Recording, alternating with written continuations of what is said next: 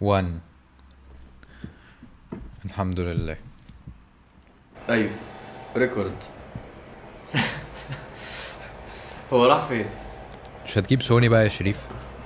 يلا يا الزوم عشان الك... الك... الكاميرا فاضل فيها خم... خمسين في... يلا طيب. لا بهزر والله. بس عشان عشان نبدأ. آه، ازيكم يا جماعة؟ عاملين إيه؟ انت لله. كله بدأ تصوير؟ دوست record؟ دوست دوست يا عم بس حازم دوست؟ آه أنا تمام يا باشا الحمد لله. بسم الله. طيب الكاميرا دي حلوة كده جايباني. بسم الله. بسم الله. طيب أنا أنا يعني أنا عايز أقول إحنا ليه مجتمعين النهارده إحنا ما صورناش المرة اللي فاتت بس بس حركنا كده إنه التوبة لسه محتاجة كلام. خصوصا بعد ما غطينا المره اللي فاتت الشخص اللي محتاج يتوب توبة عامة ويخش طريق إحنا بنناقش أكتر الشخص اللي بيحاول يستقيم وكيف يتعامل مع الذنوب. أنا حاسس المرة اللي فاتت آه، مش كروتناها بس أجملناها. أظن في تفاصيل وأسئلة جات لنا وأسئلة بتجيلنا على طول. يعني أنت برضو بتقول الكلام دايما بيترد عليك. آه، فأنا عايز حابب النهارده نتكلم في القصة دي أكتر. أنا دلوقتي واحد عايز أظبط علاقتي مع ربنا وفي حاجة اسمها ذنوب. فعايزين نصايح أكتر وتفصيلات أكتر في الموضوع ده. ده هدف البودكاست السريع ده. وعشان الناس برضو تفهم وهي بتسمع إحنا إيه؟ إحنا عملنا الحلقة كده أونلاين ليه يعني؟ انت في تعليقات جات لك يعني؟ في تعليقات آه، دايما بتجيلي بخصوص آه، مواضيع الذنوب. أنت بتقول لواحد بتعرض عليه الفكرة الاساسيه إن أنت لما تذنب توب فهو يقوم راجع يردد عليك طب ما أنا هذنب تاني فأنت بتحاول توصل له الفكرة أنت بتقولها كاملة بتلاقي الأسئلة فضلت ترجع. فاهمين قصدي؟ ولا الأسئلة دي الأسئلة دي نفسية. يعني هو الموضوع أنت رحت للطالب وقلت له لما تغلط آه، ذاكر. هقول لك طب ما أنا هغلط تاني. أيوه ما أنا عارف ما قلتلكش إنك مش هتغلط. تغلط. فهو هنا في مشكلة نفسية هو مش قادر يقبل يقبل كيف يتعامل مع الذنوب. مش كيف يتعامل مع الذنوب. مش قادر يقبل بعد ما بتقول له إيه الموضوع مش قادر يتعايش معاه. فدي دي أنا حاسسها يعني لسه كل ما نخش جوه الموضوع أكتر ونفصص فيه أنا مش فاهم معلش أكتر وأكتر. يعني إيه يقبل؟ أنا مش فاهم أصلا مفهوم يقبل ده أصلا. آه، في في إنسان عايز لما لما يتعامل مع الذنوب يتعامل معاها بطريقة غير اللي ربنا يريد إن هو يتعامل بيها. ربنا سبحانه وتعالى النبي صلى الله عليه وسلم قال لو لم تذنبوا لذهب الله بكم. في واحد عايز يوصل لمرحلة لو لم تذنبوا. النبي صلى الله عليه وسلم قال ما من مؤمن إلا وله الذنب يعتاده الفين بعد الفين في واحد عاوز عاوز يوصل لمرحلة إنه ما يبقاش عنده الذنب ده خلاص. فكل ما الشرع يقول حاجة هو مش قادر يقبل الطبيعة البشرية في إيه. علاقتنا مع الذنوب. النبي صلى الله عليه وسلم قال كل بني آدم خطاء. هو عايز يوصل لمرحلة إن هو ما بيذنبش. كويس. فهو أنت لما بتطمن واحد بإنه ربنا يغفر لك والتوبة بتجب ما قبلها وإنه لو أذنبت دي حاجة طبيعية أنت بتقول له الحاجات أهي هو برضو طب ما أنا برضو مش هو تلاقيه دايما هو ك- هو مش قابل سنة ربنا في إيه هي الذنوب وإيه نحن البشر. البشر أيوة، ربنا أيوة. خلقنا. آه اكمل بس الت... آه، يعني. أصلا ده جزء ده جزء من تأصيلي لحاجة مهمة اللي هي علاقتنا إيه بال- بالذنوب يعني. خلاص؟ ال- البشر ربنا خلق فينا إيه؟ الضعف وخلق الإنسان ضعيفا. فالانسان وربنا وضع فينا الشهوات والشيطان بيزين. فلما بنتحط في مواقف غلط المواقف الغلط دي بعمد أو بغير عمد. يعني أنا ما فكرتش في الصورة كاملة. ما أنا عندي نقص. ما حسبتهاش صح. حسبتها غلط. ما شفتش العامل ده. المرة دي اتعرضت لحاجة جديدة. حاجات كتيرة حاجات كتيرة إيه اللي بيحصل فيها؟ الضعف بيظهر. لما الضعف بيظهر الذنب بيتملك وه... وب- وبيحصل الذنب. الإنسان بقى لازم يدرك طبيعته دي. لما بندرك طبيعتنا مثلا في موضوع النوم مفيش فكرة عارف الرفض الرفض إن أنا ب... إن أنا بنام. لأ. في التعامل مع الضعف في إن أنا بنام. لما بندرك طبيعتنا في الأكل في التعامل مع الضعف في موضوع الأكل. الناس مش عايزة تقبل الفكرة وكأنها فكرة وحشة. عارف ال ال ال الإنسان اللي بيشوف نفسه في في كمال وفي كمال ممكن بشري. فمن الكمال البشري إنك لما تغلط تتوب. ف ف يعني أنا من الناس دي ما هو من كتر ما الذنب وحش. والذنب ليه عواقب وربنا بيغضب منه والذنب بيضيع بركات وبيبعدنا عن الجنة. فالذنب نفسه وحش فأنا مش عايزه. لا ما ينفعش أوصل لمرحلة إن أنا مش عايزه مش هينفع يختفي. فقبول وجود الذنب في حياتي ده مهم جدا. عشان لما هقول أتعامل مع زي بالظبط من المثال بتاع المرة اللي فاتت إنه الطالب يقبل لما يخش الجامعة إنه هينقص درجات هينقص. يعني شئت أم أبيت هينقص. فإن هو يقبل الفكرة ده أساس في إنه يذاكر ويجتهد في المذاكرة. أوكي. لأنه تصور المستحيل هو أصلا اللي هيخليه يا إما ما يذاكرش يا إما يذاكر غلط. فدي أول نقطة الناس محتاجة تستوعب وتوعى. وعي. وعي. سؤالي عام إنها آه، آه، إنها إنها إحنا عندنا مشكلة في قبولنا لفكرة إنه في ذنوب في حياتنا. ماشي؟ سؤالي عام ده, ده فرق. قول يا حبيبي. آه، يعني دلوقتي آه، عايزك بس توضح آه، أكتر. يعني يعني إيه إن حد يتقبل فكرة إن هو بيغلط ده هيستفيد منها إيه؟ وهل معنى كلامك إن أنت تقصد إن عادي إن الإنسان يتعايش مع المعصية؟ وسؤال كمان هل معنى كده إن في ذنوب؟ آه، يعني كده كده أنا هرجع أعملها تاني ولا في ذنب ممكن إن أنا خلاص يبقى أنا تبت منه كده خلاص مش هرجع له تاني؟ طب آه، طب معلش ممكن تعيد السؤال الأولاني؟ السؤال الأولاني إن إن ممكن إيه الفايدة؟ إيه الفايدة؟ إيه الفايدة من آه إيه استيعاب؟ الفايدة من إن أنت بتقول لي المفهوم ده؟ مم. طب حلو حلو. أجاوب أنا يعني؟ آه أنت أيوة، آه. أحمد عامر. آه. ماشي. أنا آخر حاجة ختمت بيها وهي اللي أنا هب- هقولها تاني إنه إن أنا إنه الإنسان ما يتصدم من وجود الذنوب ده بيحوله لانسان مش عارف يتعامل معاها. يعني الصحابي لما كان بيعمل الذنب كان بيروح يتعامل مع الذنب. مفيش الصدمة بتاعت بص في حديث كده آه، لما لما أحد الصحابة شرب اللبن بتاع النبي صلى الله عليه وسلم. فالشيطان داخله من المدخل ده. قال له أشربت شراب محمد؟ دخله مدخل. أنت عملت ذنب. الفكرة مش المشكلة هتبقى في إن أنا لو مش جاهز لإنه احتمال يحصل ذنوب. أنا مش عايز بس لو مش جاهز هيحصل أكيد صدمات صدمات نفسية ممكن تخلي الواحد إيه يهنج آه ييأس يشوف نفسه غلط يشوف نفسه منافق. انت بيجي لك واحد يقول لك أنا منافق عشان بعمل ذنوب. لا يا حبيبي مش منافق عادي جدا انت مؤمن. فهو بيشوف نفسه غلط بيشوف التوبة بيحس إنه التوبة مش هتنفع لأنها إيه مش أول مرة. يا عم التوبة بتنفع كل مرة. فبيفهم أصلا كيف يتعامل غلط ده بيوصله ليأس. وإحباط وجلد ذات ومشاكل من دي كتير. ف... ف... ف... فأنا بتكلم عشان إن تعرف هو يبقى جاهز آه يبقى يبقى جاهز ل... ل... لأنه ده ممكن يوجد. مش إن هو يوجده بنفسه ولا إن هو ما يتضايقش لما يوجد بس لو عارف واحد جاب عربية واتخبطت وعمره ما كان متوقع إنها تخ... في حاجات كده أنت لو مش جاهز لها هتتصرف يعني إيه المشكلة؟ العربية تخبط. هو لا عايز يخبط العربية ولا مبسوط لما تتخبط وبيحاول ما يخبطهاش بس على فكرة ممكن العربية تتحك صح ولا لأ؟ الفكرة بتاعت إنه ده ممكن يوجد هيفرش فرشة كويسة في كيف أتعامل معاه لما يوجد. ماشي. حلو قوي تاني حاجة على كان بيقولها؟ جاوب أنت بقى آه. جاوب أنت على التانية عشان أنا برغي كتير كده. لا تاني حاجة الشريف كان بيقولها آه طيب أنا لما أتقبل إن أنا هذنب إزاي آه أتعامل مش يعني هل ده معناه إن أنا أستسلم لإن أنا أذنب يعني هل يعني أنت كده بت بتهيئ الواحد إن هو طب ما عادي. يعني هو دلوقتي في خط ما بين إن أنا أستوعب المفهوم وإن أنا أستسلم لإن أنا خلاص بقى أنا هزروط الدنيا. صح كده ده اللي أنا اقصده. تمام. طب ما أنا اديت المثال بتاع الطالب والمثال بتاع العربية.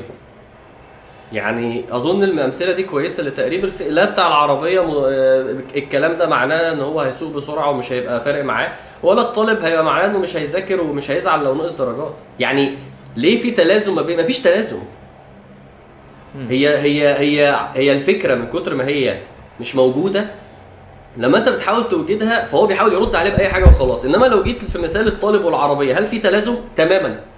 تماما. هل ده هيمنع أي واحد من دول إنه يعمل اللي عليه ويزعل لو ده حصل؟ و... وتماما. ده هو أصلا ما في... الفكرة دي ما غيرتش أي حاجة في, في صح في... في في نظرة الطالب للدرجات ولا للمذاكرة ولا اللي بتاع العربية للخبطة ولا إنه. تماما. إنما إحنا عملنا كده ليه؟ عشان في عدم جاهزية لتقبل الفكرة. أنا ده أنا ده رأيي يعني. عشان بس. ما ابقاش داخل فيه كأن هو ده الصح يعني. اللي أنا فاهمه إن أنت إن إحنا ك كبشر محتاجين أصلا نفهم. نفسنا. ها؟ أيوه. ف ومن فهمنا لنفسنا هيخلينا نستوعب آه، علاقتنا بربنا سبحانه وتعالى وهيأصل عندنا مفهوم إن إحنا إن أنا عبد.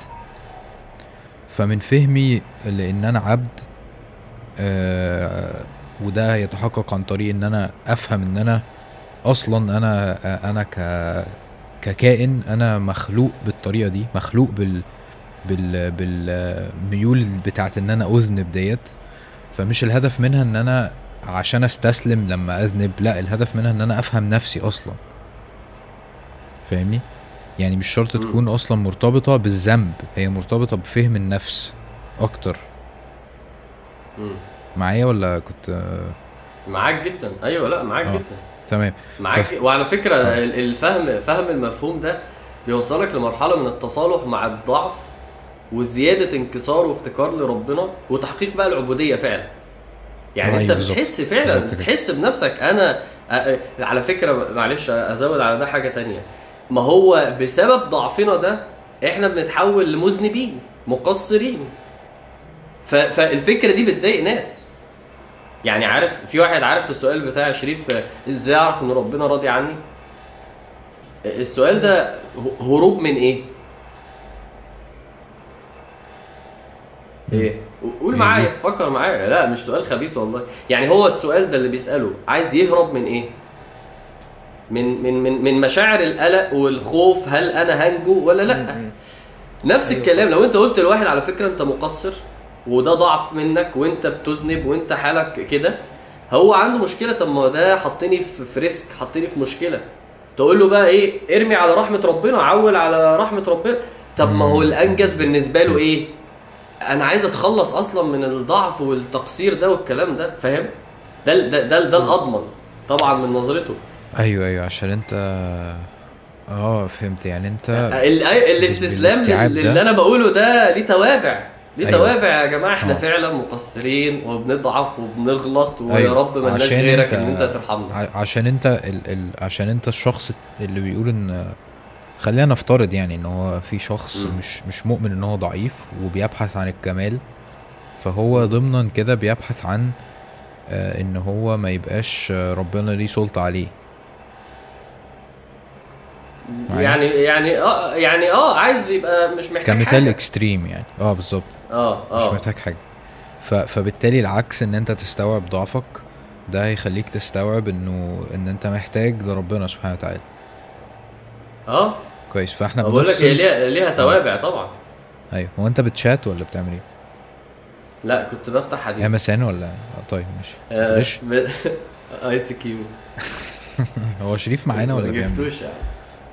شريف معاك معانا يا. باشا وضارب الحتة الأديداس ومظبط أوكي ماشي. حلو جدا. آه عامة حلو. ال- المفاهيم اللي هي الفلسفية دي آه يعني ح- ضرورية جدا الصراحة.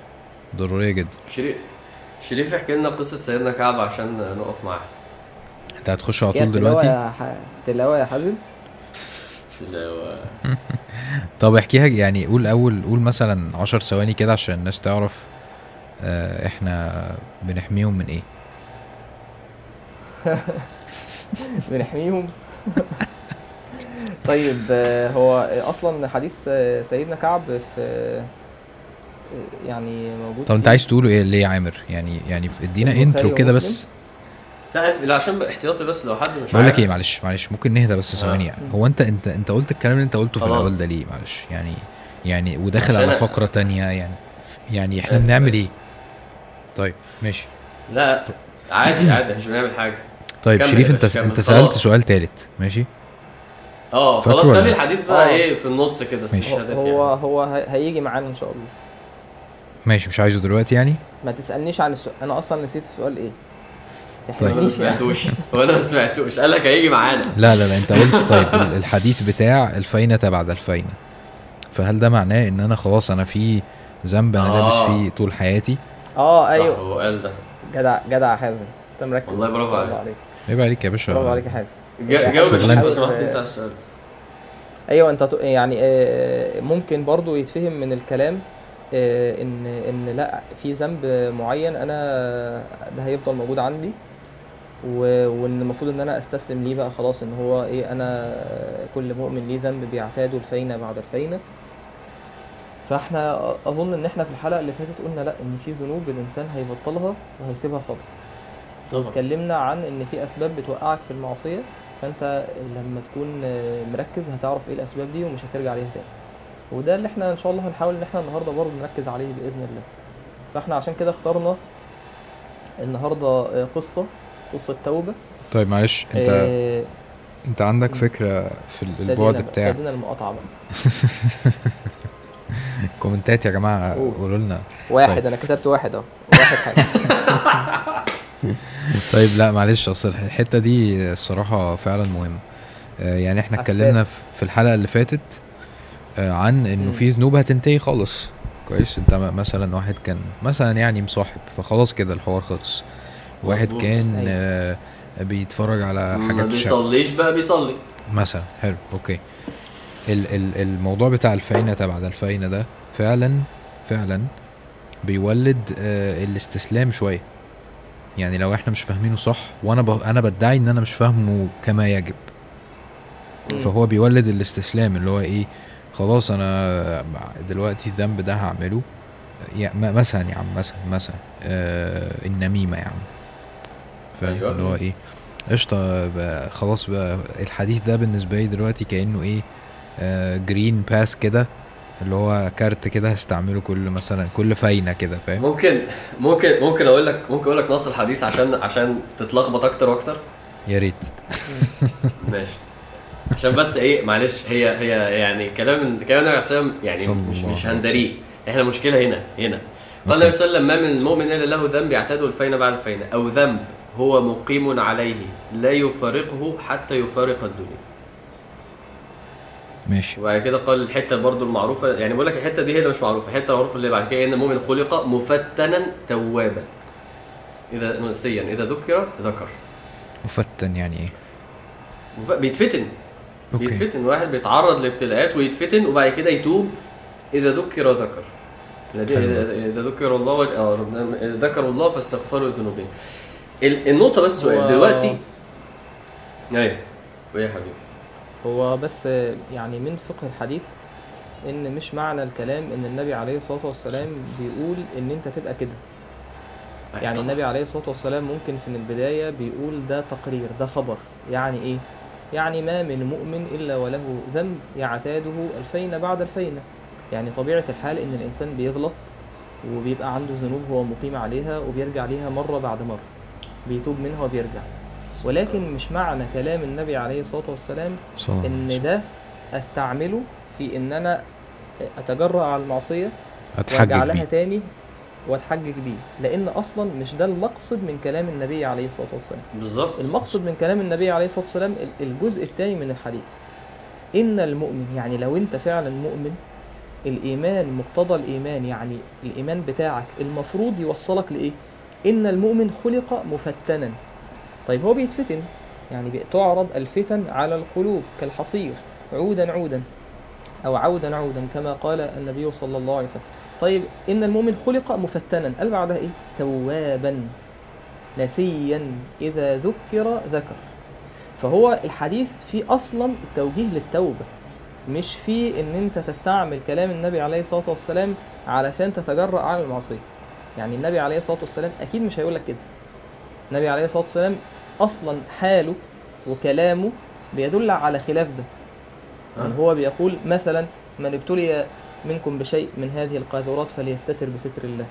والنبي عليه الصلاة والسلام كان في المجلس بيعد لي في الاستغفار سبعين مرة ومئة مرة رب اغفر لي وتوب علي. كان يقول يا أيها الناس توبوا إلى الله واستغفروه فإني أتوب إليه في اليوم مئة مرة في رواية سبعين مرة. فكلام النبي عليه الصلاة والسلام توجيه الإنسان إن هو يبعد عن الذنوب ويتخلص منها ويستتر وما يجهرش بالمعصية دي. فمش معنى كلام النبي عليه الصلاة والسلام في الحديث ده إن هو يخليك تتجرأ على المعصية. كلام كلام حلو فعلا برافو عليك يا شريف. يعني هو كأن الحديث ده بي بي بيأكد على فكرة خلق مفتنا اللي هي برضو الفكرة اللي عندك فيها مشكلة. هو بيقول لك لا خلق مفتنة دي يعني افهمها وبعد كده افهم انت طبيعتك لو انت مؤمن. انت بتعمل حاجات بناء على كده. يعني آه، آه، لو إحنا جينا وبعدين في نقطة برضو عايز أضيفها. لو أنا جيت قلت لواحد في الجامعة أنا بقول المثال ده كتير عشان الناس بتفهمه ببساطة. في في في مادة انت هتغلط فيها. يعني فاهم؟ لو هو بيقول لك ومش هتعرف تقفلها. اولا النبي صلى الله عليه وسلم ما قالش أنهي ذنب. دي نقطة مهمة قوي عشان هو لو انت صورت نفسك الذنب ده طب ما انت اللي عملت كده. النبي صلى الله عليه وسلم ما قالش آه، مثلا إطلاق البصر أو الكذب أو الغيبة ما قالش. ف- وكل واحد متفاوت. فبالتالي أنا النهارده ما أعرفش فعلا لو في ذنوب هتبدأ معايا ولا إيه هي. فده أول نقطة عشان اللي بيتساهل مع نفسه. تاني حاجة إيه برضو علاقة ده بان أنا دايما احاول اجتهد إن أنا ما أقعش في أي ذنب ايا كان إيه هو؟ مفيش علاقة. فأنا ف فاللي اللي هيوجد العلاقة ده ده بيضحك على نفسه. واللي واللي, واللي بيستغل ده عشان ده برضه بيضحك على نفسه. فالشريف قال حاجة جميلة قوي حال النبي صلى الله عليه وسلم مش كده؟ حال الصحابة مش كده؟ أيوه ماشي ساعات بنعمل ذنوب عشان إحنا بشر وبنضعف ايا كان. بس بنعمل إيه بعديها؟ بنعمل إيه مع الذنب نفسه؟ فالخلاصة إنه اللي يسمع الحديث ده لازم يقول لنفسه إيه؟ الذنب نفسه أنا ما أعرفوش. يعني لازم يقول لنفسه كده أنا بجتهد مع كل الذنوب إن أنا أحاول آه، ما تحصليش ابدا. حصل حاجة في طريقي من مرة اغتبت واحد مرة كذب مرة بص على واحدة مرة شتم واحد. حصل حاجة في طريقي هتعامل بقى تعامل المؤمن اللي هو فاهم إن هو بيضعف فساعات بيحصل حاجات في طريقه وهتوب. بس كده الموضوع المفروض كان يبقى أبسط من كده بصراحة. أوكي. كمل. طيب حلو. أنا كل اللي قاعد جاي في والله دماغي ك- كبرتوا الموضوع يا شباب. آه، كل اللي قاعد جاي في دماغي فكرة آه، إن أنت لما بتتعامل مع عيالك بيقول لك إيه؟ أنت بتقول له أنت عملت حاجة وحشة مش أنت اللي وحش. ففي آه، تأكيد كبير على فكرة إنه الإنسان مش وحش. العمل بتاعه ممكن يكون وحش بس فكرة إنك توصل نفسك لمرحلة إنك تفقد الأمل في نفسك وبالتالي آه، تفقد الأمل في رحمة ربنا سبحانه وتعالى. أنا سمعت الكلمة دي قريب أصلا. آه، حد كان بيقول أنا فاقد الأمل آه، في نفسي ومش بحب نفسي وبالتالي حاسس إن أنا مش بحب كذا وكذا. فاهم قصدي؟ مش عايز أكررها تاني من كتر ما هي كانت ص- صادمة شوية مش بالنسبة لي بس. آه. ف... ف... ف... فكل الكلام اللي إحنا بنقوله ده آه هو هو عشان إيه نتخلص من الحتة دي بقى نخلص منها هي, هي مش فكرة ان إحنا بندعو الناس ان هي تذنب لا هي فكرة انه إيه خلاص انت كده انت ككائن كده النبي صلى الله عليه وسلم هو قال ان الانسان خلق فتان صح؟ آه مف- مفتنة مفتنة. مفتنا آه آسف. فاحنا عايزين إيه نعكس بقى الوجهة ونبتدي فتان. ننطلق فتان آه. وننطلق في اتجاه إنه خلاص قشطة أنا كده بس أنا مش وحش وفي أمل طيب نعمل إيه؟ عارف؟ فأنت دلوقتي عندك شغف مظبوط. بالحديث مظبوط. بتاع آه سيدنا آه أنس بن مالك. س... سيدنا كعب بن مالك. كعب بن مالك. أوكي. آه. آه. آه، ف... فأنا عايز أعرف أنت عايز أنت ليه عوزت تقول وليه ليه حاسس إن هو حلو. جامد؟ حلو. طبعا جامد دلوقتي يعني آه يعني حسيت إنه في كذا حاجة نتعلمها. زي ما أنت بتقول بقى في في, في فهم بقى فهم الذنب على يعني أنا واقف هنا الذنب لسه جاي هو من بعيد وبعد كده الذنب موجود والذنب بعيد. يعني مراحل التعامل مع الذنب قبل ووسط وبعد حاسسها موجودة كويسة في الحديث ده. ولا إيه رأيك يا شريف؟ أيوه طبعا. في النقطة دي؟ طب ابدأ. أنا م... أنا موافق أنا موافق على الكلام أستاذ أحمد. طب طب ابدأ أنت وتعالى نتكلم في في يعني كويس الشيء- حازم اي حاجة كويسة. لو الشخص دلوقتي خلاص تقبل فكرة أوكي ماشي هيبقى في ذنوب في حياتي وأنا لازم أتوب وما تصدمش وما ما تهنكش أعمل إيه بقى؟ طيب احكي لنا القصة يا شريف لو تسمع. ايها العبد الآبق. أنت كده في مرحلة خطر. أنت كده أنت إزاي أنت إزاي عرفت أنت كده في level خطر. العبد رضي الله عنه الحسن حسن البصري. على, ايها على العبد- فكرة. ايها العبد الابق أنت كده في level خطر. يعني أنا مش عايز أقول بس إنه حسن البصري يعني إيه هنعمل تيشيرت فاهم؟ جوه أنت عارف أنا لقيت آه، أحمد العربي بعتها لي على الواتساب. الحتة العبد. الابق أنت كده في ليفل خطر. والله العظيم عربي ده. طب تمام. الحمد لله أنا ما طلعتش مني في وإحنا هناك. هو أحلى حاجة إن هو قالها آه، من غير آه، ما ماشي. ياخد باله فاهم؟ إن هو إيه يا جماعة هو ده اللي الح- الحسن البصري قاله فاهم؟ هو مش واخد باله اتفضل يا شريف. القصة في طيب يا شباب آه، أو أنا على فكرة يعني حاولت إن أنا برضو إيه أختصر ال- الحاجات اللي إحنا هن هنركز عليها يا ريت. المقاطع اللي إحنا هنركز عليها في قصة طب تعال سيدنا كعب. نبدا بيها. تعال نبدأ آه نبدأ بيها إن شاء الله. بص يا سيدي بس إحنا ليه ليه الأول هنتكلم عن قصة سيدنا كعب؟ عشان زي ما عامر بيقول ال- القصة آه، اولا آه، قصة صحابي. وكعب بن مالك مش أي حد يعني هو من كبار الصحابة. حضر البيعة و- وشهد مع النبي عليه الصلاة والسلام كل كل المواطن. فهو صحابي مش عادي. غزوات وكان سيد في في قومه. كل المواطن اللي هي الغزوات يعني المشاهد يعني. بس مش آه مش كلنا كمل كمل. ماشي. ماشي ماشي. آه آه فهو شاهد مع النبي عليه الصلاة والسلام كل الغزوات ما عدا غزوة بدر وغزوة تبوك اللي تخلف فيها اللي هي أصلا سبب القصة. غزوة بدر هو النبي عليه الصلاة والسلام أصلا خرج مع الصحابة ما كانوش خارجين للقتال زي ما الشيخ أحمد دلوقتي يعني إيه وصلت ال- وصلت لغزوة بدر ولا لسه. آه بالظبط. لا ف- خلصت يا عم أنا في الخندق. آه فهم أصلا ما خرجوش للقتال. كويس يعني هم خرجوا علشان عير أبي سفيان. المهم إن سيدنا كعب صحابي مش عادي فعشان كده إحنا بنتكلم عنه. فدي توبة واحد من الكبار. وده هيفرق معانا إحنا في إيه؟ هتيجي معانا في في حتة من الحتة اللي إحنا هنتكلم فيها. يعني ده واحد برضو إيه إيه لما أنت تشوف إن أنا إيه ده أنا أنا وحش قوي لا ده سيدنا كعب حكى لك قصة التوبة بتاعته عشان تستفيد منه. تاني حاجة إن القصة فيها مشاعر إيه قبل التوبة إيه اللي وقعني في الذنب؟ إيه حسيت بإيه بعد ما عملت المعصية؟ حسيت بإيه وأنا لسه يعني بين إن أنا هعمل ولا مش هعمل؟ هو أصلا كان ناوي من البداية يعمل معصية ولا لأ؟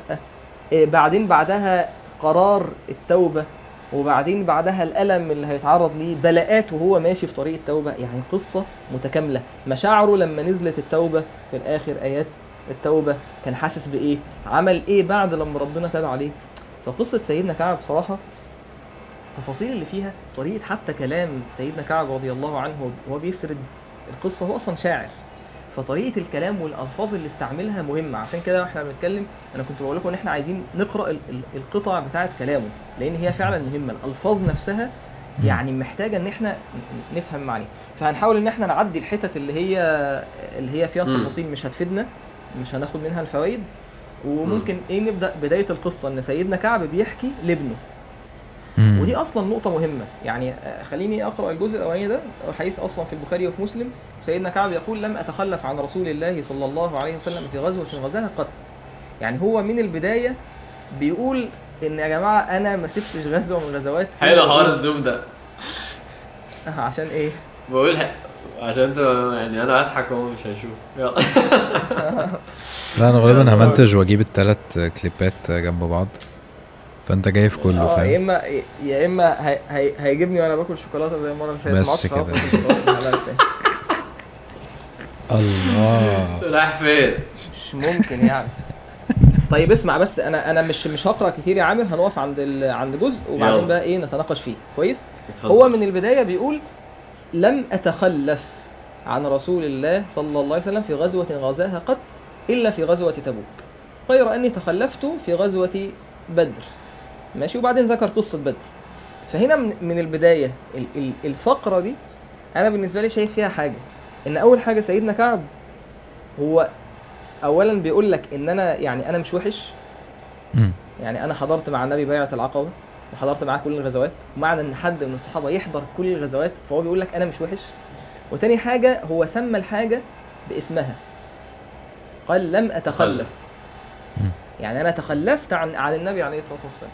فدي دول نقطتين من البداية. إيه، أنا حابب إن إحنا إيه نتناقش فيه إن أحيانا ممكن شاب مثلا يبقى مشكلته إن هو مثلا شايف إن هو كويس كويس قوي فلما يغلط غلطة كبيرة زي غلطة مثلا سيدنا كعب تخلف عن النبي عليه الصلاة والسلام في في الجهاد الواجب إن هو كان لازم يطلع فيه لما النبي عليه الصلاة والسلام استنفر الناس يعني طلب من المسلمين إن هم أمرهم يخرجوا. فدي معصية كبيرة جدا. ماشي؟ فممكن الشخص يبقى شايف نفسه إن أنا ما كنتش متوقع إن أنا أقع في كبيرة من الكبائر دي. فده يكسره. طبعا صح. كويس؟ الحاجة التانية إن أحيانا وده هتلاقيه واضح جدا في قصة سيدنا كعب ال- الصراحة مع النفس. سيدنا كعب بيسمي الحاجة باسمها. ف يعني أنت إيه يعني رايكم إيه في النقطتين دول؟ ولا هذا آه، حلو حلوة النقطة دي حلوة جدا طبعا. آه، أنا أنا حاسس إن كل ده ماشي برضو في سكة آه، الوعي بتاع النفس فعلا. يعني أنت تبقى فاهم نفسك و... وتبقى عندك أمل لأن كل ده بي... بيحمل يعني انت في الخطوات دي انت قاعد بتحمل على نفسك وانت في المقابل المفروض تكون بتتوكل على ربنا سبحانه وتعالى. فكل ال- كويس. اللي انت كل اللي انت بتقوله ده عن عن سيدنا كعب ده إيمان. يعني ممكن نقعد نوصفها بأوصاف كتير اللي هو إيه آه ده self conscious قوي ده مش لأ هو عنده إيمان فاهم؟ هو مش فارق معاه يعني المس... هو خ... هو خلاص هو تخ... هو أنا تخلفت. عشان أنا مؤمن. أيوه صحيح. صح صح. وبعدين ال- الهروب من مواجهة ال- ال- الفكرة دي عشان يعني يريح نفسه أو أو ما يخ... ما يتصدمش أوكي؟ ما هو ده ما أنت كده مش هتحل. ما أنت عشان تحل لازم تبقى واقعي. ففكرة إن أنت. آه إن أنت تتكلم كده ونقطة كمان أنت قلتها في واحد ممكن يعني في واحد ممكن يحس إنه في ذنوب لا لا دي أنا عمري ما أعملها. ويبقى مركز في ذنوب تانية. فلما يجي يحصل فيهم ذنب برضه يتصدم نفس الصدمة. بقت صدمة إيه؟ مش كل الذنوب. لا لستة معينة كده. يعني هو برضه حاططها في س... ربنا في سورة الفرقان يقول إيه؟ على الايه عباد الرحمن. يقول ولا يزنون. أنت تحس إنه يعني إيه ولا يعني طب ما أنا ما بزنيش. لا ما هو اولا ما فيش حد كبير على أي معصية. فأي معصية أنت ما بتعملهاش دي حاجة كبيرة. واي معصية انت ممكن تعملها على فكرة لو اتحطيت في الظروف آه، الصح وفي الظروف الغلط يعني هتعملها. فدي مهمة جدا عشان لو لو حصل حاجة تبقى دايما شايفها وبتوصفها زي ما هي ومستعد برضو لوجودها. ف يعني فاهمين قصدي؟ طيب آه أنا فاهم. يعني دلوقتي يعني لو هناخد فائدة من ال- من الحتة الأولانية دي ممكن نقول إيه؟ يا جماعة مفيش حد كبير مش حد على كبير على. الذنب برافو عليك. ولما تذنب قول أنا أذنبت زي ما هي كده. أيوه لأن ماشي. لما أنت ما بتواجهش الخطأ وبتحاول إن أنت إيه تعلق على شماعات زي. ما هتيجي معانا دلوقتي يعني جزئية مهمة جدا وضوح أنا واضح مع آه. نفسي هعرف أعالج لكن طول ما أنا بحور على نفسي وبكذب على نفسي ومش عايز أواجه إن أنا عندي عيوب وإن أنا عندي مشاكل مش هقدر. إن أنا أحل المشاكل دي فدي ال- الوقفة الأولى كويس ماشي إن عادي جدا أوي. حد يكون أصلا هو من عباد الرحمن زي ما ربنا سبحانه وتعالى قال في سورة الفرقان زي ما انت قلت وعادي إن بعد وعباد الرحمن الذين يمشون على الأرض هونا وإذا خاطبهم الجاهلون قالوا سلام قيام ليل ودعاء ومعاملات وأخلاق وحلم. وفي الآخر ربنا سبحانه وتعالى قال والذين لا يدعون مع الله الها اخر ولا يقتلون النفس التي حرم الله إلا بالحق ولا يزنون. إيه ده إيه ده؟ يعني شرك وقتل وزنا ممكن واحد يكون من أولياء وممكن يقع في كبيره من الكبائر عادي جدا. لكن ذكر بعدها إيه؟ إلا من تاب وآمن وعمل عملا صالحا فأولئك يبدل الله سيئاتهم حسنات كويس؟ آه بعدها هعدي هعدي كلام وبعدين بعدها سيدنا كعب بدأ يحكي. هو الأول حكى ظروف مم. الغزوة وبعدين بدأ يحكي وبيقول وكان من خبري حين تخلفت عن رسول الله صلى الله عليه وسلم. في غزوة تبوك أني لم أكن قط أقوى ولا أيسر مني حين تخلفت عنه. شوف كم مرة يقول إيه؟ لم أتخلف. وكان من خبري حين تخلفت. ولا أيسر مني حين تخلفت عنه في تلك الغزوة. بيقول بقى إيه؟ والله ما جمعت قبلها راحلتين قط حتى جمعتهما في تلك الغزوة. يعني هنا إيه، أنا مثلا ممكن أستفيد من من كلام سيدنا كعب إيه؟ إن اولا إيه، حب سيدنا كعب لينا إحنا. لأن التفاصيل دي تفاصيل اللي سيدنا كعب حكاها في الصراع مع النفس والصراع مع الشيطان ومعالجة النفس ومجاهدة النفس هو حكاها لك. وحكاها لابنه اللي هو عبد الله بن كعب. وإحنا استفدنا من ده. إن ده يعني سيدنا كعب بن مالك مر بده فأنا بعيش ده كمان. وهو برضه واضح جدا في شخصية سيدنا كعب إن هو واضح مع نفسه. هو قال أنا تخلفت. ومش مش عشان علشان وانت بتسمع كده ممكن تفتكر طب ما يمكن كان سيدنا كعب عنده ظروف مثلا. يمكن كان مثلا تعبان يمكن مثلا ما كانش معاه فلوس. كان في ناس كتير نفسهم يطلعوا الغزوة ما كانش معاهم. فيمكن كان عنده ظروف. لا هو بيقول لك إيه؟ لا لا على فكرة أنا كانت ظروفي تمام وصحتي كانت تمام وكان معايا فلوس كتير وكان معايا مش راحلة واحدة راحلتين وكنت قوي جدا وكنت ممكن إن أنا الظروف كلها كانت مهيئة إن أنا أعمل الطاعة. طب أستفيد من ده إيه؟ إن عادي جدا واحد يكون عنده كل الظروف مهيئة وبرضه إيه؟ برضه يقع في المعصية. ظروف الطاعة. وبرضه يقع في المعصية. إن برضه نفس المعنى يا جماعة خد بالك ما تشوفش نفسك مفيش حد كبير على المعصية. ممكن أي حد بسهولة إن هو يسقط. فدي أنا أنا دي مثلا شايفها في الجزئية دي. أنتوا مثلا إيه عندكم إيه؟ بص آه، أنا هكمل عليها الجزئية اللي بعديها إن هو الجزئية اللي بعديها ده جزء تاني. يعني ده آه، الجزئية اللي بعديها؟ آه ماشي سبب يعني تاني. ما آه ماشي ما عنديش مشكلة يعني. بس هي آه. الفكرة كلها إنه هقول حتى مقدمة وأنت تقرأ الجزء اللي بعديها. النهارده إحنا مش بنتكلم عن ذنب يعني سيدنا آه، كعب بعينه. إحنا بنتكلم عن واحد بيتحط في الموقف ده. الفكرة. كلها إنه إحنا بنتكلم عن فكرة الضعف اللي قلناها دي. أنت أنا محتاج أراقب نفسي وأفهم إيه اللي خلاني أعمل الذنب. ده سؤال أساسي في, في في التوبة وفي المجاهدة وفي إن أنا أبعد المسافات بيني وبين الذنب. أنا ليه وقعت؟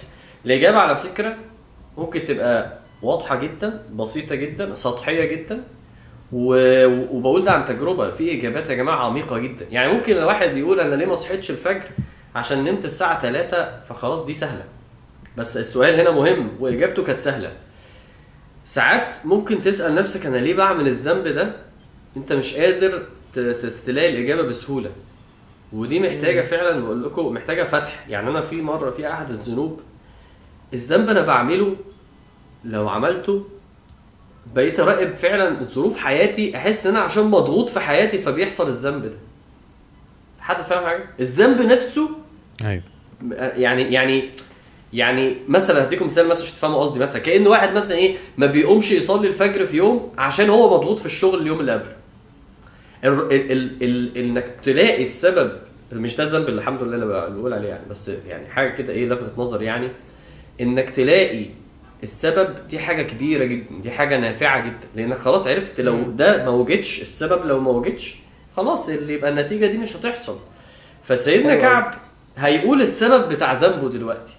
هي أنا مش محتاج إن أنا أمسك ده وأدور على السبب ده فين عندي سيبك من دي. أنت بقى بص عندك إيه أسبابك؟ ده اللي عايز أقوله يعني. خلاص ممكن بقى تبقى قعدتي مع الناس دي هي اللي بت- بتهيج عندي فكرة الذنب ده فبعمله. تواجدي على النت بالطريقة دي. آه، سهري بالليل. آه، سعي مرة والله العظيم في حاجات أنا أنا نفسي أبقى سعيد. فأنا مش عارف أبقى سعيد.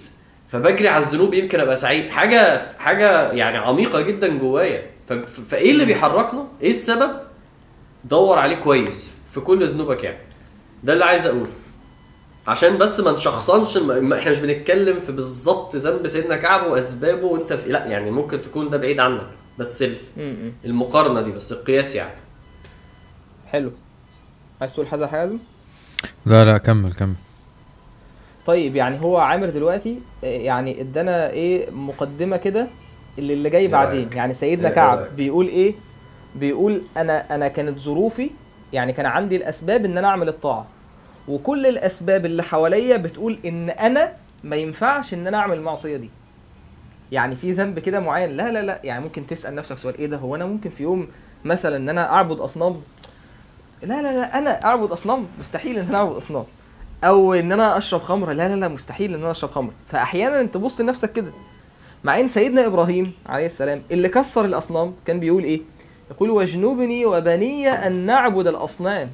سبحان الله. رب إنهن أضللن كثيرا من الناس. سيدنا يوسف بيقول توفني مسلما وألحقني بالصالحين. فسيدنا كعب بيقول إن الأسباب أنا ما تخلفتش في ولا غزوة وكنت ميسور جدا وكنت قوي جدا وكان عندي راحلتين. فالأسباب دي بتقول إن أنا إيه؟ النتيجة لا تساوي تخلف عن غزوة تبوك. صح؟ ده كلام منطقي جدا. إن أنا ما ينفعش. ده هيجيبنا لنقطة إيه؟ إن أحيانا هو مش بالضرورة إن الإنسان بيكون مبيت النية للمعصية يعني هو سيدنا كعب لو جيت سألته كده هل أنت كان في نيتك إن أنت تتخلف عن غزوه يعني ممكن شاب. خلينا نبسط الموضوع عشان ما نشخصنش صح. القصة على مثال سيدنا كعب ممكن آه. شاب مثلا هو في علاقة تيجي تسأل البنت مثلا في البداية أو الشاب هل أنت متصورة إن أنت ممكن في يوم من الأيام آه، ممكن توصلي للفاحشة للزنا مثلا تقول لك مستحيل هو مش متخيل إن أنا ممكن أعمل ده في يوم من الأيام. هو فعلا صادق. يعني أنا مش شايف إن أنا ممكن أشرب مخدرات في يوم أو إن أنا أقع في الفاحشة دي في يوم من الأيام أو إن أنا أسرق مثلا. هو مش شايف ده. لأن أصلا الشيطان ما بيجيبها لكش وش في وش كده. يعني إيه؟ لو الشيطان مثلا جه لسيدنا كعب وقال له إيه؟ آه أنت هتتخلف عن غزوة تبوك. هو أول يعني- واحد في الجيش. آه لا خلاص. أنت هتسخني على لا أنا مش هتخلف عن غزوة تبوك.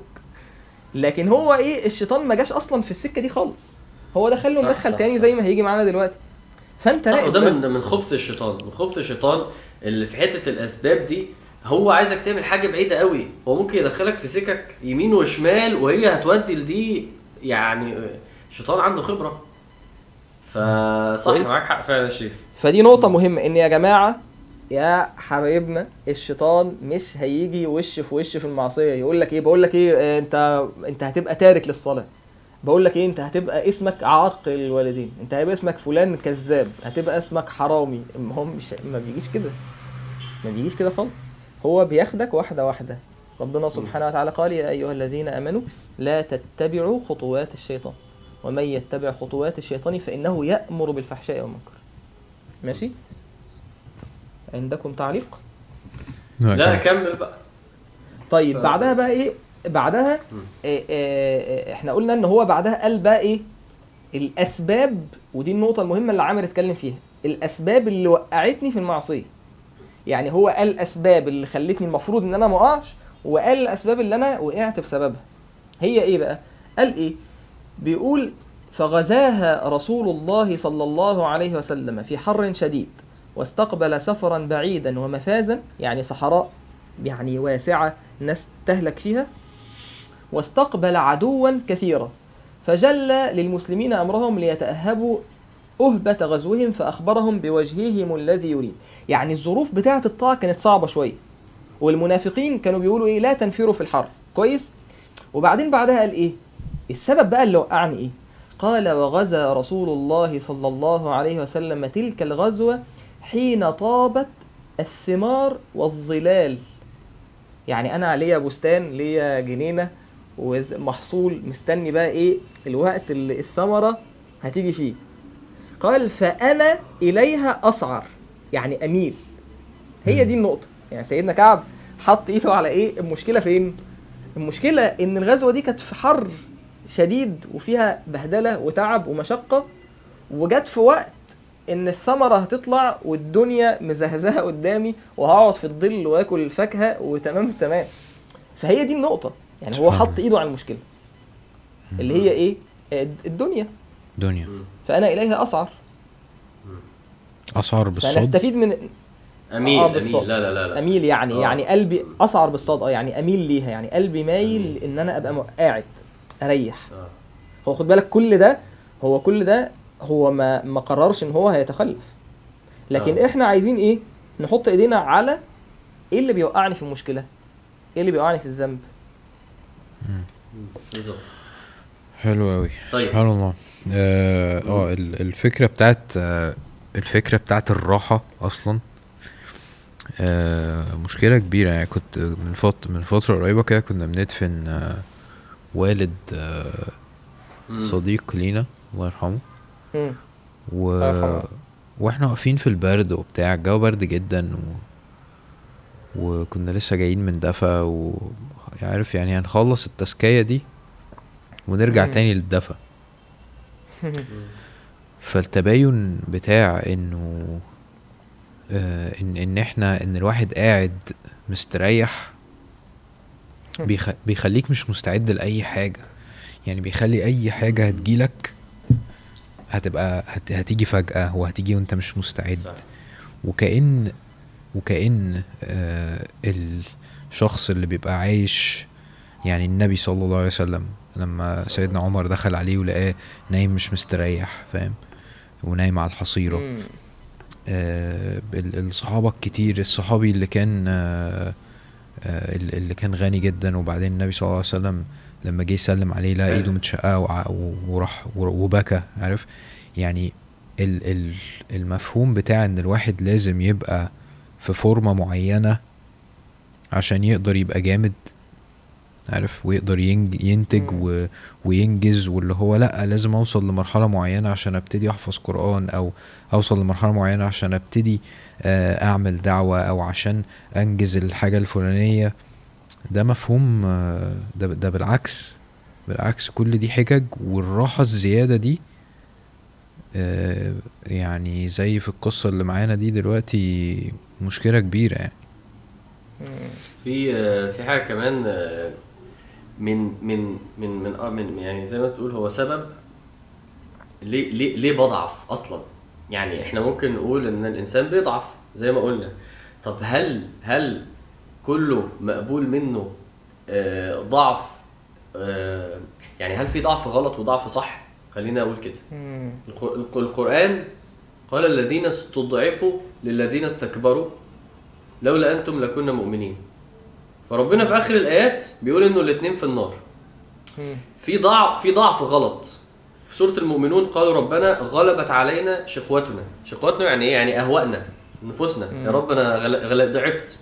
دول ربنا بيقول إيه؟ قال اخسأوا فيها ولا تكلمون. في ضعف غلط وفي ضعف اللي هو الحتة البشرية اللي بنقولها دي. فأنا النهارده بن... إحنا ساعات إحنا ما بنعرفش نقول لنفسنا لأ. إحنا ما بنعرفش نمسك نفسنا ون- ونقول لها أنا مش هعمل في واحد كل ما نفسه تقول له يعمل الذنب يعمله.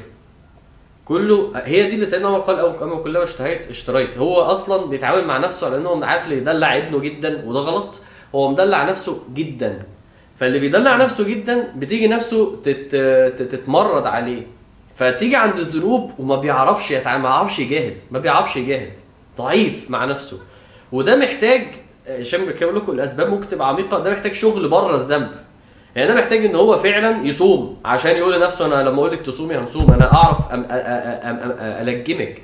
ده محتاج إن هو لا أنا الجو برد هنزل أصلي الفجر في المسجد عشان يبقى بيعرف يبقى قوي قدام نفسه. فلما تيجي بقى قدام الذنب عشان كده السلف كانوا لما بيربوا نفوسهم كانوا بيعملوا حتى كيف المباحات. يعني يبقى هو قدامه أكلة حلوة لا مش كل يوم هاكل أكلة حلوة المرة دي هاكل أكلة ممكن تبقاش عاجبة نفسي. عشان يبقى متأكد إن هو اللي ماسك نفسه مش هي اللي ماسكاه. دي اللي بيخلي واحد ده يا جماعة اللي اتعجبت منه جدا جدا اللي هو الحديث بتاع الثلاثة والغار. الراجل التاني الراجل التاني اللي هو كان عايز يزني بواحدة قريبته وعرض عليها المال لما كانت محتاجة في مقابل إن هي تملكه من نفسها. أنا اللي بستعجبه في الراجل ده وربنا فرج فرغ يعني الصخرة عنهم بسبب اللي الراجل ده هيعمله دلوقتي. لو أنا جه واحد قال لي أنا كنت عايز أشرب خمرة وبعد كده آه، رحت جبت فلوس وبعد كده جبت وبعد كده كذا وبعد كده كذا وبعد كده آه، ظبط. وأنا بقى لما جيت أشرب قمت شايل طب أنا بالنسبة لي إيه؟ ده أنت جيت عند آخر حاجة وقمت عاملها جاي تفرح بده ليه؟ ربنا. آه، دي كانت كبيرة قوي عنده. ليه؟ لأن دي أضعف لحظة المفروض تبقى فيها.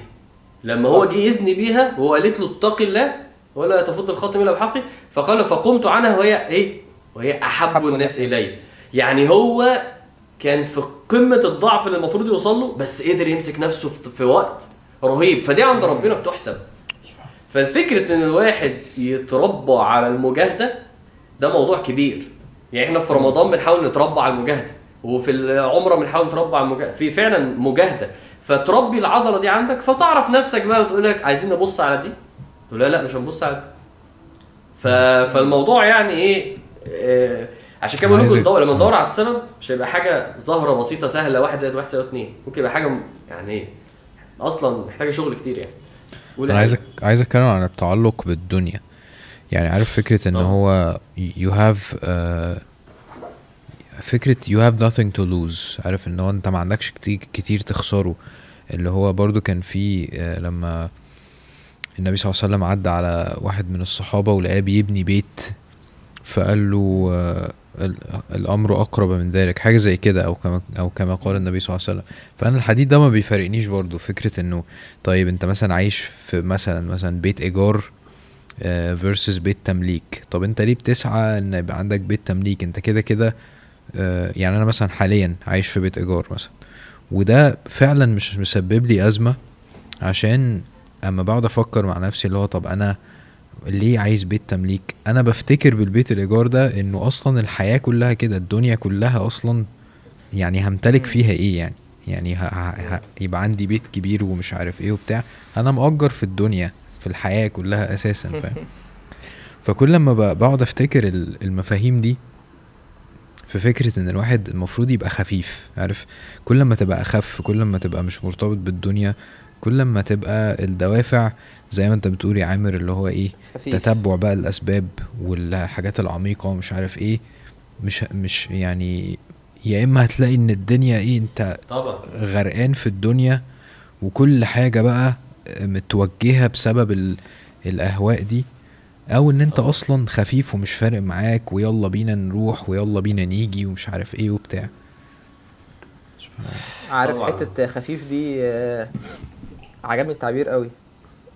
غريب. كن في أو الدنيا النبي عليه. الصلاة والسلام بيقول آه كن كن في الدنيا كأنك غريب أو عابر سبيل مم. غريب أو عابر سبيل يعني العابر السبيل ده إيه خفيف خفيف كده اخف. آه ك- آه، كان ابن عمر يقول إذا أمسيت فلا تنتظر الصباح وإذا أصبحت فلا تنتظر المساء وخذ من صحتك لمرضك ومن حياتك لموتك معنى حلو جدا يا سبحان الله أنا آه. مؤجر في الدنيا إيه إيه إيه يا واد يا حازم المعاني العميقة دي؟ هيطلع بقى 50 70 واحد يكتبوها في هيطلع بقى يكتب لها عارف كوت. أنا إيه. مؤجر في الدنيا. وهو بيرزع أصلا. هاشتاج تيشيرت، تيشيرت اعمل تيشيرت أنا مؤجر في الدنيا. طيب أنا طبعا حاسس إن إحنا مش هنكمل الحديث كله بس عادي يعني ما عنديش مشكلة إن إحنا نبقى خدنا مقتطفات منه. هي ماشية آه بس يعني في حاجات تانية ما. يعني كمل، أنا كمل، بالك كمل. يعني هنرك يعني في معاني هنعديها كتير يعني أنا مش معترض أصلا عادي يعني كمل يا بقول لك عم، كده عشان أنت ما. تزعلش لو أنت عندك قصة جميلة هو كده. لازم يخلص زعلان. يعني. أنا اتعودت خلاص طيب. اتعودت اتعودت إيه أصلا عامة يعني. إحنا واحد صفر كده وحازم واحد عادي. واحد. يلا يا حبيبي طيب ماشي إحنا إحنا وقفنا عند فين اللي هو قال السبب اللي هو إيه السبب ال- ال- التعلق بالدنيا طيب هل. ده يلزم إن ده يكون السبب عندي؟ لأ عادي. أنت ممكن يكون السبب حاجة تانية خالص. ماشي؟ وبعدين قال إيه؟ قال سيدنا كعب قال فتجهز رسول الله صلى الله عليه وسلم والمسلمون معه. يعني بدأوا يتجهزوا للخروج. قال وطفقت أغدو لكي أتجهز آه، لكي أتجهز معهم فأرجع ولم أقض شيئا. وأقول في نفسي أنا قادر على ذلك إذا أردت. فلم يزل ذلك يتمادى بي حتى استمر بالناس الجد. أنا بالنسبة لي دي حتة يعني يعني جزء آه، مفصلي في الحديث. إن سيدنا كعب بيقول إيه؟ بيقول خلاص الناس بدأت تتجهز. ال- النبي عليه الصلاة والسلام والصحابة بدأوا يستعدوا للخروج. اللي بيجيب بقى السيف والدرع ويجهز الراحلة. مسافر بقى مسافة طويلة يعني. هو بيقول إيه؟ طفقت أغدو يعني أخرج في وقت الغداء الصبح يعني لكي أتجهز. أمشي مع الناس كلها بتتجهز أطلع معاهم. يقول فأرجع ولم اقضي شيء. طلعت الصبح وبعدين إيه أتشغل وأروح كذا مشوار وبعدين إيه خلاص أقوم قايل إيه. أقول في نفسي أنا قادر على ذلك إذا أردت. أنا كده كده الفلوس موجودة في ثواني. يعني لو عايز أجيب الحاجة في ثانية. قال فلم يزل ذلك يتمادى بي حتى استمر بالناس الجد. هي دي ال- النقطة. إن فكرة إن الإنسان يقول الجملة دي في نفسه يعني أنا قادر على ذلك إذا أردت. والحتة التانية فكرة إيه؟ يتمادى بي تسويف. يعني إيه؟ يقول مثلا إيه؟ ثم غدوت فرجعت ولم أقض شيئا. فلم يزل ذلك يتمادى بي حتى أسرعه وتفارت الغزو. دول نقطتين. النقطة الأولى إن إن الإنسان يشوف نفسه إن أنا عادي إن أنا أعمل الطاعة أو أنا قادر إن أنا أعملها أو قادر إن أنا أبطل المعصية في أي وقت. تيجي تقول له مثلا أنت بتشرب آه، حشيش ولا بتشرب آه، آه، سجاير مثلا ولا بتعمل أي حاجة حرام أي معصية. فهو يعتقد إن عايز على فكرة عادي لو عايز لو عايز أبطل هبطل عادي لو عايز أبطل شيشة هبطل. نقطة بنت لو لذينة عايز أبطل من, من دي بقى إيه؟ دي مشكلة كبيرة. مم. المشكلة الثانية لم يزل يتمادى بي اللي هي فيها نوع من التراخي كده التسويف. اللي هو إيه؟ آه بكرة. طب بكرة جه على فكرة عادي في ثواني أنا ممكن على أجيبها على طول في ثواني. بكرة بعد. بعده بعده بعده لحد لما الناس خرجت. فدول نقطتين. نتناقش آه، في النقطتين دول. أنا حاسس إن فاهم الحتة إيه؟ بتاعت آه، أنا حاسس الحتة الحتة الأولانية دي يعني ياما سمعناها. اللي هو على فكرة الحشيش ده مش إدمان أنا ممكن أفكه في ثانية. السجاير دي مش عارف ال- عارف؟ فعلا نقطة يعني إسقاط آه، إسقاط قوي جدا. يعني أنا هحاول بس أجمع آه، يعني ده ودى سيدنا كعب فين؟ يعني ده. ان انعكس على الموضوع إزاي في الآخر فاهم؟ يعني دي دي كانت من الحاجات اللي أثقلته. دي دي كانت من الحاجات اللي خلته ربما حلو قوي مثلا أثقلته دي. آه ربما تخلي تخ- خلته مثلا عنده اعتماد على النفس بزيادة أو عنده تواكل مثلا عارف؟ مم. الأبعاد بقى اللي بتخرج الموضوع عن إن أنت حاسس إنك ضعيف وحاسس إنك المفروض تعمل كذا وكذا زائد إن هي في النقطة اللي أنت قلتها بتاعت إن الشيطان مش بيجيلك بيوجه لك بي بيجيلك في وشك إن هو بيستخدم أساليب كتير بقى فاهم؟ هو بيقعد ينفخ لك نفسك آه، يحسسك إنك. جامد مثلا. يقلل لك من آه، ال- المسببات بتاعت الذنب. يخليها هينة جدا عارف؟ لأن أنا متخيل إنه فكرة إنه إنه آه، لما يبقى في غزوة اللي هو خلاص دي حالة حرب في ال- في ال- في المدينة كلها اللي هو.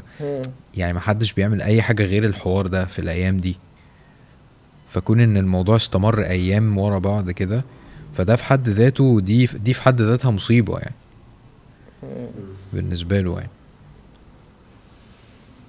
أنا عايز بس أعلق على على كلام حازم إن مش معنى يا جماعة إن إحنا بن بن بنفصص في كلام سيدنا كعب وبنقول مثلا الحتة دي هو مثلا إيه آه، ده- خطأ منه.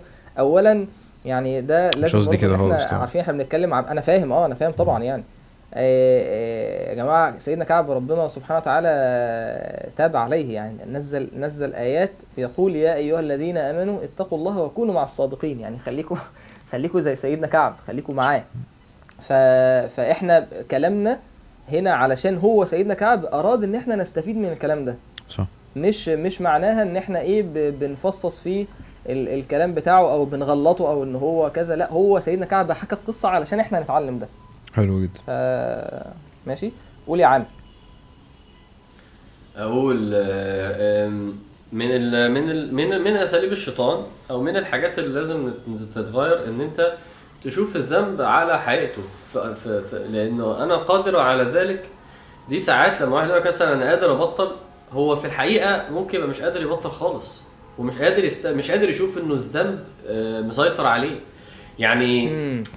فكرة إنه الواحد يعني ساعات في في في مثلا فيديو لدكتور أحمد عبد المنعم اللي هو بيتكلم على إنك الرجوع ليه تمن تمن الرجوع تمن واحد الرجوع. بعد آه واحد بعد ومحتاج يدفع تمن عشان يرجع.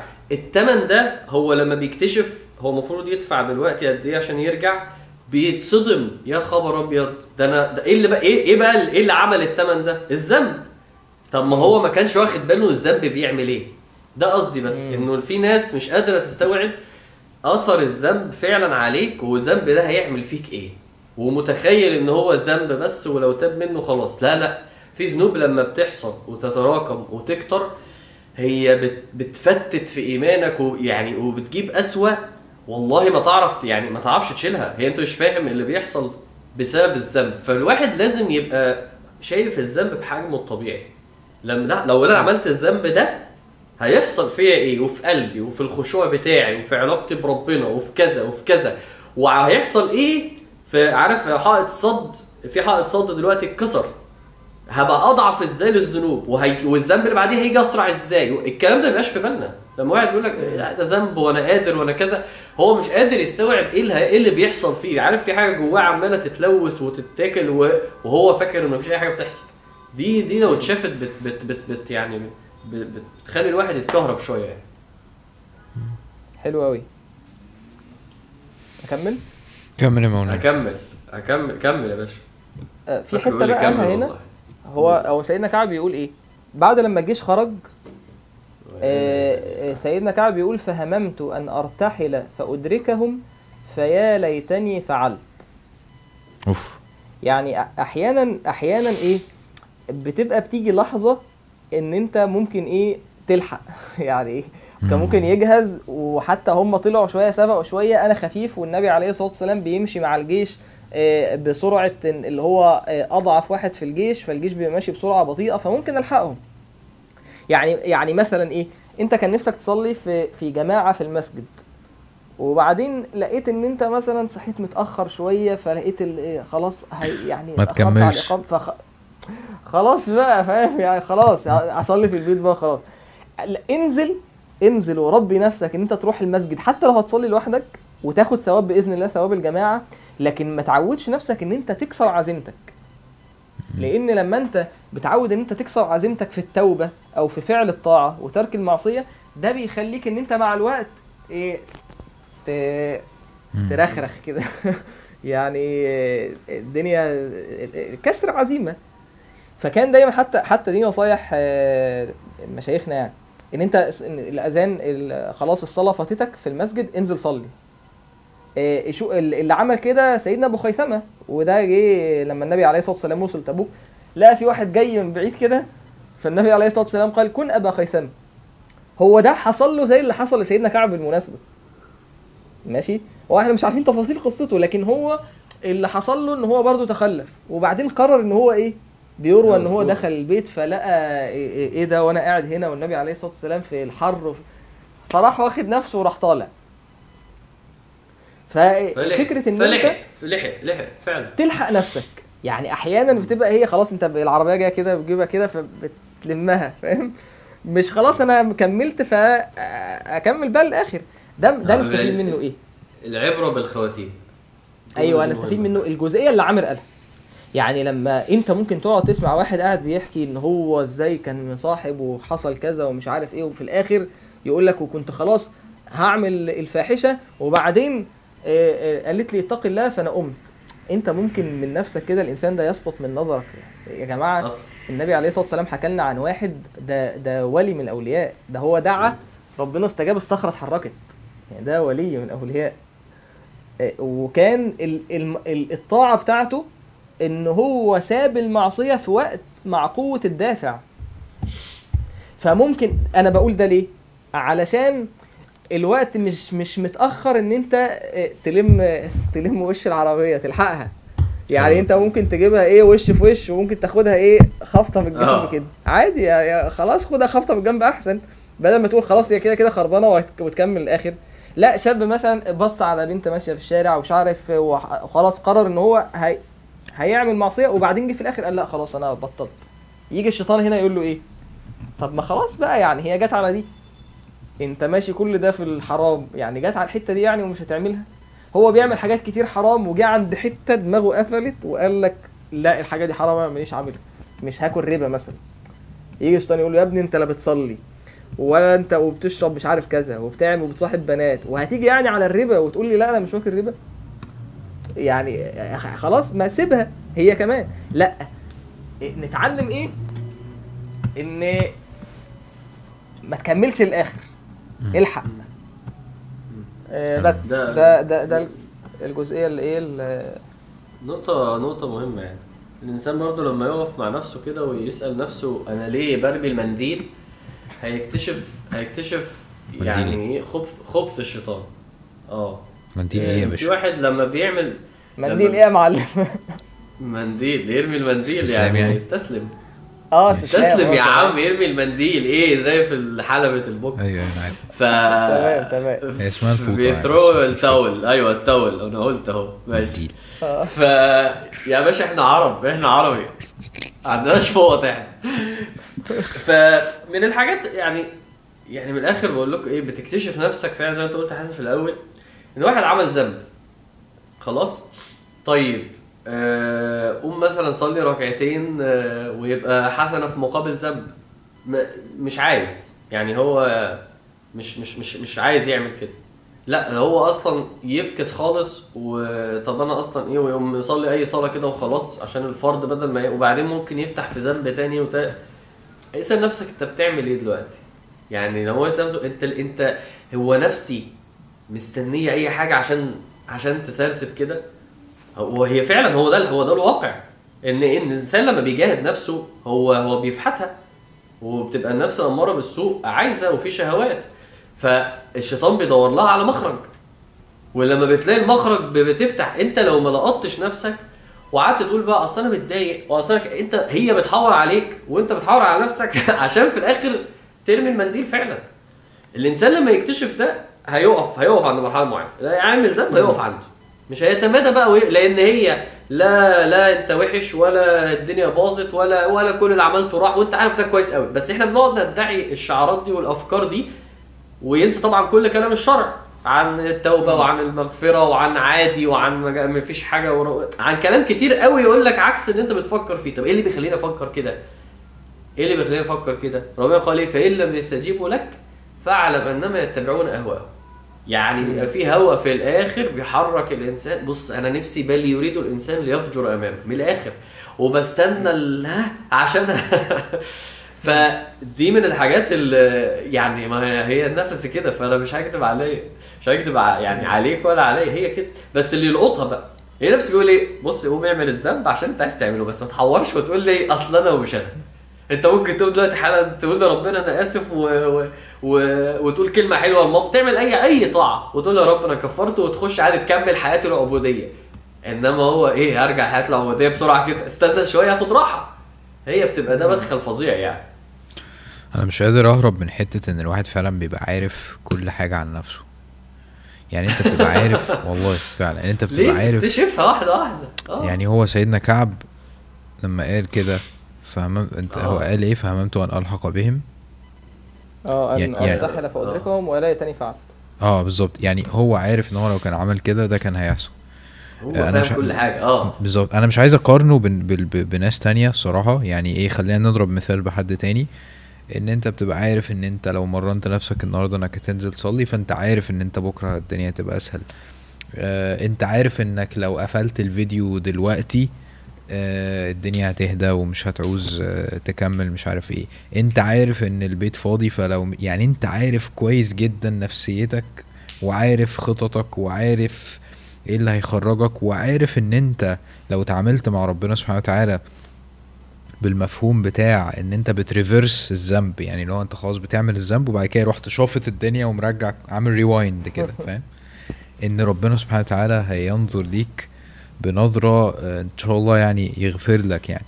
ففعلا زي ما أنت بتقول يا عامر التحوير عن النفس ده اللي هو إيه بي آه، يعني مع الوقت أظن إن هو هيوديك في ده هيخليك حاسس هيخليك عارف هي يعمهون هي هي إيه أهم صفة عند سيدنا كعب؟ الحوار الصدق. يعني ليه ليه الصدق. بالظبط. هو الحوار كله على الصدق. الحوار كله في إن ده واحد صادق. صح.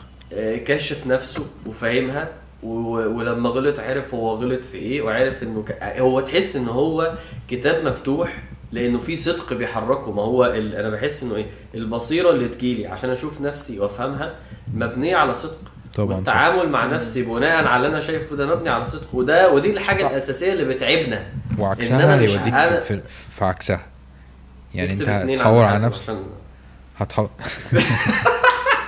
هتحور على نفسك هتبقى. مش. صادق مش هتبقى واخد بالك من حاجة بعد كده أيوه وده ده اللي وده اللي هيجي. يعبنا وده اللي هيجي كمان شوية مع آه، اللي هم الناس اللي جم للنبي عليه الصلاة والسلام المنافقين تخيل واحد حاجة و80 واحد يدخلوا على النبي عليه الصلاة والسلام يحوروا يكذبوا يقولوا إحنا كان عندنا أعذار ومش عارف إيه والنبي عليه الصلاة والسلام يسمعهم ويقبل ربنا العلانيه وياكل السرائر إلى الله ويستغفر له.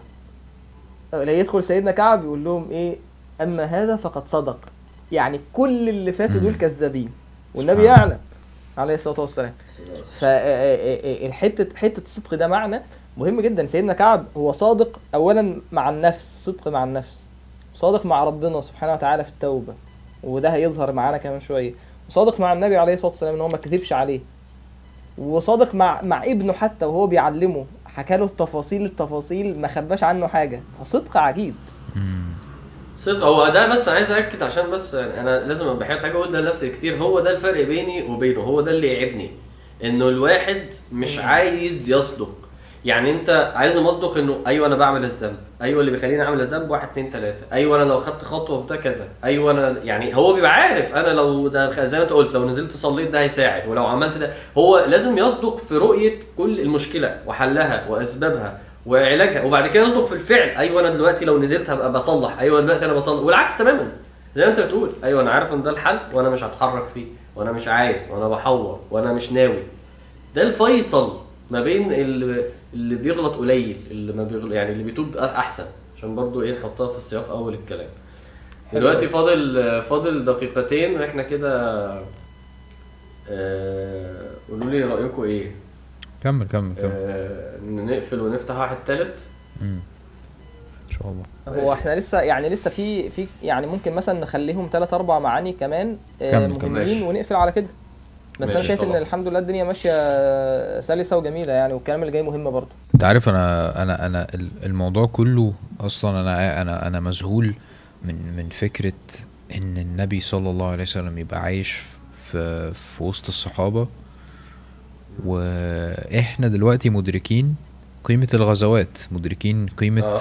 أوامر النبي صلى الله عليه وسلم فمش ف فمش متخيلين ابدا إن إحنا لو موجودين في العصر ده إن إحنا هنتخلف اللي هو يلا ومش عارف إيه وجهاد وما أعرف عارف؟ إحنا بنهلك أصلا في المعاني دي دلوقتي فاهم؟ اللي هو يلا بينا وجهاد وثورة ومش عارف طبعاً، طبعاً. وفكسان ومش عارف إيه وبتاع. فاللي هو إيه؟ يعني سبحان أيوة، الله أيوة. عارف؟ سبحان الله. سيدنا أبو حذيفة قال الكلام ده واحد من التابعين لما قال له أنتوا صاحبتم رسول الله؟ قال نعم. قال له كنتوا بتعملوا إيه؟ سيدنا حذيفة قال له إيه؟ قال له كنا نجتهد. يعني قصده إيه؟ كان بيطلع عينينا. كنا نجتهد. فما قال له إيه التابعي والله إحنا لو عند رسول الله كنا شلناه على كتافنا وما يمشيش على الأرض و... لأنه الكلام الكلام سهل. فسيدنا حذيفه قال له تعالى أحكي لك على موقف عشان تفهم إن الموضوع مش زي ما أنت فاكر. وبيحكي له على موقف إنه النبي صلى الله عليه وسلم بيقول للصحابة من يأتي بخبر. القوم؟ آه من يأتي بخبر القوم؟ ولم يقم أحد. ولا هو رفيقي في الجنة ولم يقم أحد. فبيقول له يا باشا يعني إيه أبو بكر وعمر. قاعدين. آه أبو بكر وعمر قاعدين وما اتحركوش فأنت مش أنت اللي أبو العريف يعني. فطبعا برضه يعني الصحابه لل... يعني. لل... لل... للفائدة في الحتة دي يا عامر كان كنا إحنا قلناها في حلقة قبل كده وحد من الشباب قال إن يعني مش متخيل إن سيدنا أبو بكر قاعد في المكان ده آه. وما, و... و... و... وما قامش. وما قامش. آه. ان يعني آه. يعني إن هو يعني بيقول إن سيدنا بكر أكيد كان هيقوم آه، فسألت فيها سألت الشيخ عمرو يعني في آه. المعنى ده فقال إيه قال إن لأ هو مفيش حاجة النبي صلى الله عليه يعني وسلم ما هو- قامش لأ مفيش حاجة بتقول إن سيدنا بكر ما كانش موجود فهو سيدنا آه، بكر. كان موجود مع الصحابة ده رقم واحد آه. رقم اتنين إن أحيانا الم- المهمة هي أصلا مش متوجهة لا تصلح لأبي بكر أصلا يعني آه، هو الكلام ماشي. مفهوم إن دي مهمة مثلا عايزة مثلا إيه شاب سريع قوي هيروح مثلا وهيعمل فهو جميل، سيدنا بكر. فاهم أصلا الكلام. مش ليه يعني كويس ماشي ده كان رد. بس على حد من الشباب اللي كان إيه كتب في ال- في الكومنت كده يعني آه إحنا كنا طيب أصلا مراتي كانت بتسمع الحديث ده من كام يوم وإحنا كنا في الأيام البرد اللي فاتت دي وكنا فاهم متكلفتين في في- فاهم هوديز هوديز بقى فاهم ثلاثة مثلا ومش فسمعنا آه. الحديث واللي هو إيه والموقف ده كان في وقت فيه برد وعواصف وضلمة ومش عارف إيه وإحنا آه. قاعدين عاملين كده فاللي هو فحسيت سيكة كده آه. يعني آه مش. مش كتير يعني يعني. أكيد مش نفس ال- لا آه. وده ده برد غير البرد اللي هم كانوا فيه خالص يعني التاني ده. كان من عند ربنا يعني سبحان الله ف سبحان الله الصحابة آه. يعني سبحان الله فعلا يعني إحنا فاكسانين قوي يا جدعان والله آه سبحان الله طب ها يا شريف هتنقلنا لأي نقطة دلوقتي خش يا معلم ماشي إحنا هم هم. رجعوا من الغزوة بقى خليهم آه، يرجعوا من بص. الغزوة يا شريف آه ما خلاص يعني هنعدي الحتة دي هنقول بس نقطة آه. مهمة ان إن. أحيانا برضو الإنسان لما بيعمل معصية هو بيعملها علشان إيه زي ما عامر قال علشان ممكن يكون هو بيدور على السعادة عايز أبقى مبسوط ف وأنا وأنا ممكن إيه يعني يعني يعني حابب قوي إن الشاب يكون هو واضح مع مع مع النفس كده يعني تيجي تقول له إيه؟ هو ما يقعدش يحور ويقول لك أصل إحنا بينا حدود وأصل إحنا مش عارف يا عم بص قول يا عم أنا أنا بحب الصياعة. من الآخر كده يا عم أنا بحب البنات وعايز أصاحب بنات وعايز أخرج وعايز أعيش حياتي. إيه- إيه كده إحنا ممكن إيه؟ ننقل في مرحلة تانية ونحاول نشوف إيه حل المشكلة دي. لكن بلاش ترجع معايا إيه؟ نقعد نحور على بعض و... و... ونشتغل بعض وكده. أحيانا أنت بتبقى متصور إن أنت لما هتعمل معصية إن دي هتجيب لك راحة البال والسعادة والسكينة. وده اللي كان المفروض. يعني المفروض إن أنت التعب فين؟ التعب في خروج الغزوة ولا في إن أنت قاعد في الظلال وفي الثمار وبتاكل وتشرب. ومزاجك حلو؟ في الخ- في الخروج؟ أكيد التعب في الخروج. يعني مسافه آه، 650 أو يعني أكتر من 600 كيلو من المدينة لتبوك في حر شديد. أكيد التعب اللي هم شافوه يعني. طيب المشكلة بقى إن سيدنا كعب حصل له العكس. يعني أنا دلوقتي آه. بدني مرتاح ما خرجتش ما اتبهدلتش بس مشيت في شوارع المدينة لقيت اللي موجودين آه، أطفال نساء آه،. شيوخ آه، معذورين ومنافقين مم. فبيقول فتفقت إذا خرجت في الناس بعد خروج رسول الله يحزنني أني لا أرى لي أسوة يا جماعة إلا رجلا مغموصا عليه في النفاق أو رجلا ممن عذر الله من الضعفاء يعني في مشاعر يعني ممكن من شؤم المعصية إن الإنسان وهو في المعصية يبقى حاسس إن هو مخنوق متضايق قرفان من نفسه. سيدنا كعب خرج وكان المفروض إن هو يبقى مرتاح. لا أنا مش مرتاح ولا حاجة. ما هو أنا متضايق إن أنا أنا ماشي في وسط المنافقين هو أنا زي دول. حقيقة حقيقة الذنوب بكل بساطة. آه، يعني ليه ربنا يعني مش ما يريد ما يريدش إن إحنا نعملها؟ لأن هي بت... لأن هي لأن هي مش حلوة لأن هي مضرة لأن هي ليها أثر وحش عليا. ربنا يعني ما يكرهناش الخير. بس في الأول وفي الآخر التجربة فعلا الإنسان مع الذنوب الذنب جزء منه لذته. وبعد كده في أجزاء تانية ملهاش علاقة باللذة. المشكلة كمان لما الذنب نفسه الواحد بيعتاده ولذته كمان تروح تنتهي. يعني في واحد ليه بيشرب سجاير ويقول لك أنا نفسي أبطل. يعني هو وصل لمرحلة إنه كاره الذنب مش مفيش أي لذة خلاص. فالإنسان لما بيعمل الذنب برضه كمان لذته دي آه، متباينة جدا في الذنوب. في ذنوب لذتها أقل من لحظة. يعني مثلا إطلاق البصر واحد بص على واحدة. هو أصلا فعلا ال ال ألو... كوقت اللذة بتاعت إنه بص على واحدة دي مش يعني استنى شوية. اللذة بتنتهي. وفي ذنوب ممكن اللذة تقعد نص ساعة وممكن تقعد وبعد شوية اللذة بتقل. و... و... و... والكواليتي بتاعتها بتقل مع تكرار الذنب. لحد ما بيحصل إيه؟ بينتقل لذنب تاني. يعني الذنب ده نفسه ما بقاش أصلا ما بقاش مرضي ما بقاش كافي ويفضل ينط من ذنب لذنب. الإنسان لما يفكر في الذنوب كده إن هي هي مش كافية يعني هي مش بتشبعني. أنا الروح اللي ربنا خلقها لنا دي مش بيشبعها ده. ده مسكن بسيط جدا. ومشكلته في بواقيه بقى اللي هي الشؤم اللي بيجي معاه وقلة البركة وال والضنك والكآبة وال و و و و و ف- فبيتحول في الآخر الذنب لحاجة نفعها قليل جدا جدا. أثرها. الحلو البوزيتيف nothing is worth it. مرة مرة واحد صح. صح أيوه يعني عارف واحد مثلا بيشتم هو أنت أنت متلذذ من لا خالص ولا في حاجة يعني يعني في أصل في ذنوب ما فيهاش لذة. وفي ذنوب لذتها لحظية وفي ذنوب لذتها على الشخص نفسه راحت لأن هو اتعود عليها ومبقاش أصلا يحس بيها. ولحد ما بيخش في لوبس كده من طب أعمل إيه؟ ساعات بقى توصل لحتة سد يعني أنا خ... أنا أنا أنا مش أنا مش أنا مش لاقي يعني في ذنوب تانية بس أنا مش عارف أعملها. ووصلت لمرحلة يا عم الشباب بتنزل تقعد على القهوة ويشرب سجاير ويشتموا شوية وخلاص. هو مش عارف يذ- يذنب أكتر من كده والذنوب دي مبقاش ليها قيمة مبقاش ليها لذة. فسيدنا كعب مر. بتجربة الذنب إزاي كان وحش سواء بقى في وسطيه أو بعديه وقعد 50 يوم بعد كده يعاني من آثار الذنب. فالإنسان لو شاف الذنب ده ممكن عقليا يساعده في اتخاذ القرار. أعمل الذنب ده ولا لا مرة كنت واحد صاحبي مش عارف عمل إيه باين سب الدين ولا حاجة وبرضه في أول التزامي خالص يعني. فمش عارف قلت, قلت له قلت له يا ابني يعني اعمل ذنب يستاهل. يعني بلاش ده يعني ده ذنب ما يستاهلش انت ما خدش عليه لذة. يعني يعمل ذنب خلاص تبقى كسبت من وراه حاجة. فأنا كنت بفكر معاه بالمنطق يعني. طبعا أنا دلوقتي كلامي هيتغير لأنه يعني فعلا مفيش مفيش. ذنب يعني مفيش ذنب يعني لو عملته فعلا تقول إيه والله بص أنا اتبسطت كمية انبساط لدرجة إنه لو مثلا دخلت النار شوية ماشي أو لو اتعذبت في القبر ماشي واللي هيحصل لي مثلا في حياتي السنة الجاية بسبب مفيش ذنب كده. فما بالك لما يبقى مفيش أصلا لذة فعلا حقيقية بتطلع من الذنب؟ تقدر تقول والله تفتكر- دي حاجة تحسب له. تفتكر في ناس هيخشوا أو حتى هيفكروا إنه لأ في ممكن تبقى ذنوب ليها ليها لازمة؟ هي خليه و- يفكر ومش worth it يعني سيكا كده يعني فاهم؟ ماشي خليه خليه يفكر في كلامي كتجربة تستاهل. التفكير صراحة.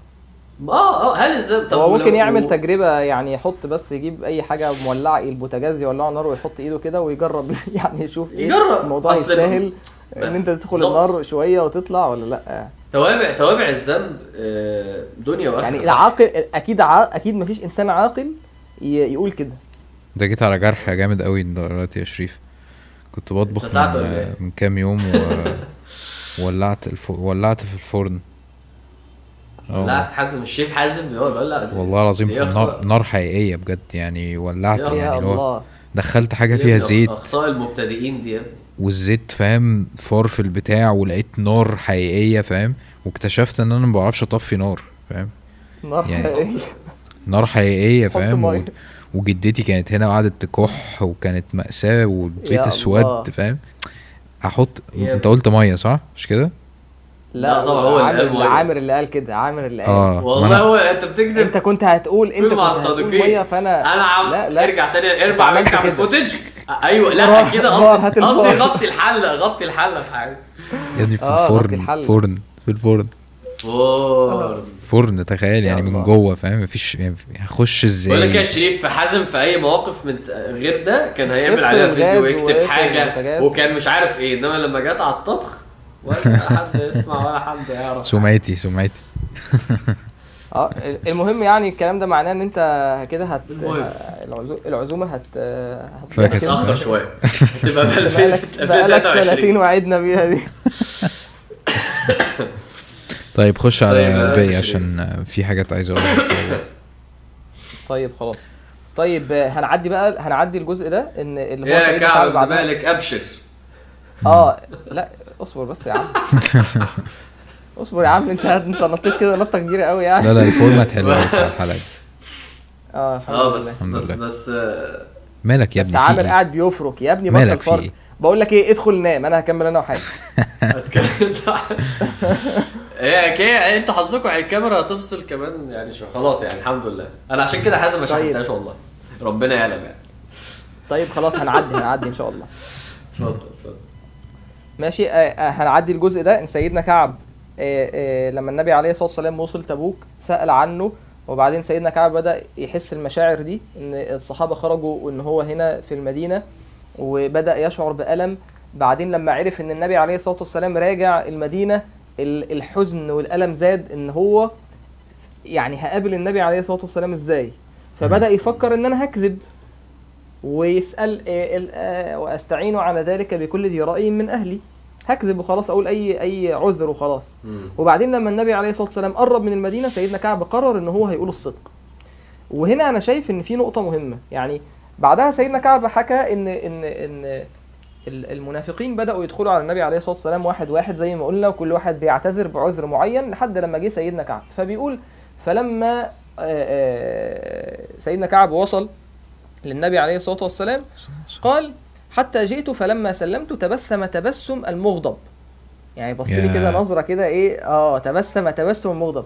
ثم قال تعالى يعني أنا أصلا يعني باجي عند الحتة دي كده بحس كده النبي عليه الصلاة والسلام قاعد وسيدنا كعب داخل واصلا خايف ويعني أنت عارف ممكن يكون مثلا شيخ أنت بتحبه أو حد من, من تبقى أنت مكسوف إن أنت عملت حاجة غلط قدامه وإن هو يعاتبك فيها. فتخيل كده. يعني لو النبي عليه الصلاة والسلام وبيقول له إيه؟ تعالى وسيدنا كعب دخل بقى إيه؟ جاي قال فجئت أمشي. شوف أنا بحب يعني بحب الحديث عشان سيدنا كعب. بيوصف لك التفاصيل. فجئت مم. أمشي حتى جلست بين يديه فقال لي ما خلفك؟ مم. ألم تكن قد ابتعت ظهرك؟ صعبة. يعني أنا أنا أنا بالنسبة لي شايف إن من دوافع التوبة ودي حاجة ممكن كتير من الناس لا ينتبه ليها من دوافع التوبة حب النبي عليه الصلاة والسلام. وده ممكن إنسان يستغربه. يعني إيه يعني؟ يا جماعة من أعظم دوافع التوبة كانت عند سيدنا كعب تعظيمه للنبي حبه للنبي عليه الصلاة والسلام. إن هو بيحب النبي قوي. يعني معلش لو سيدنا كعب ما بيحبش النبي عليه الصلاة والسلام وما بيحبش ربنا سبحانه وتعالى ومش فارق معاه إن هو يبقى في وسط المسلمين. ما عادي لما بعد كده النبي عليه الصلاة والسلام يقول يا جماعة ما حدش يكلمه خلاص يعني عادي ما حدش يكلمني مش عايز أكلمكم. أصلا. لما تجيله رسالة من ملك غسان هيقول خلاص طب ما فرصة اما أروح. يعني هم مش عايزيني هروح لملك غسان أقعد هناك في الشام ويبقى مزاجي حلو.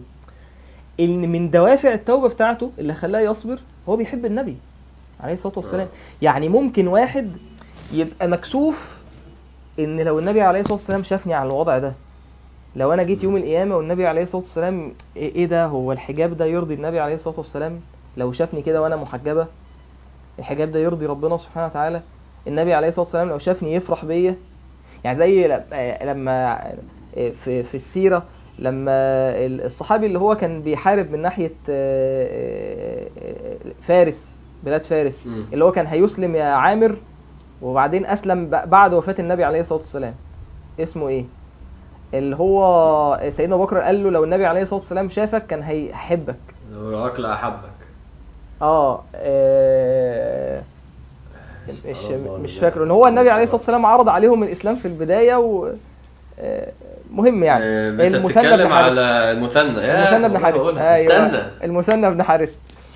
ف ف هو إيه سيدنا بكر بيقول ده لو النبي شافك كان هيحبك قوي. سبحان الله. هي دي بقى نقطة من دوافع التوبة. أنت تسألي نفسك وأنت تسأل نفسك هو أنا لو النبي شافني لو شاف عملي دلوقتي هيحبني؟ هيقربني منه هيبقى أنا من الناس اللي هو زي مثلا زيد زي زي أسامة زي آه، سيدنا عمر زي سيدنا أبو بكر. هي طبعا مش شبه سيدنا عمر وأبو بكر ومش زي الصحابة دول بس هيحبني هبقى مقرب منه. دي من الدوافع اللي كانت بتدفع سيدنا آه، كعب رضي الله عنه. هو اللي أنا أنا. يعني. اللي أنا رعبني دلوقتي آه، ما خلفك. آه. أنا يعني بس ده هيحصل. ده هيحصل يوم القيامة. آه مرعبة والناس اللي اللي رب يعني إن شاء الله ما نبقاش منهم يعني. اللي مش. هيتبعوا سنة النبي صلى الله عليه وسلم آه، آه، يعني لح لا لحم وشهم هيسقط من من من كتر ما هم مش يعني من كتر ما هم مش عارفين يعني يعني إزاي سيدنا كعب أصلا قعد قدام النبي النبي صلى الله عليه وسلم وسمع العتاب ده. سبحان الله. أنا مش قادر أتخيل إزاي قدر الله. يجيب نفسه كده غير لو هو فعلا. حاسس إن هو ليه رصيد يعني عارف هو ليه. رصيد عند النبي صلى الله عليه وسلم الص- الص- الصدق يا حازم هعدل عليك في دي يعني غير إن هو لا هو على فكرة هو مش عارف إيه اللي هيحصل فيه هو ما يعرف هو والدليل إن هو حصل فيه حاجة هو عمره ما كان يتوقعها ولا حد فيكم كانتش متوقعة خالص آه صح لا لا. هو اللي حصل إن هو وعلى فكرة وكمان شوية لما مشي قوم قالوا له إيه اللي أنت عملته ده؟ هو كان رايح يرجع يكذب نفسه من كتر ما آه. رياكشن النبي صلى الله عليه وسلم كان صعب جدا. فهو لا هو الصدق. هو بالنسبة له أنا لازم أعمل ده ومفيش حل غير ده لأن هو ده الصح. وده فكرة إن إنه إنه إن الواحد ياخد خطوات في التوبة من حاجة. يعني مثلا في واحد مثلا آه، عشان يتوب مثلا من الاختلاط لازم يقفل الفيسبوك ويغير أنت. قصدك قصدك مهما كانت صعبة يعني. ياخد خطوات آه لازم هي صعبة جدا.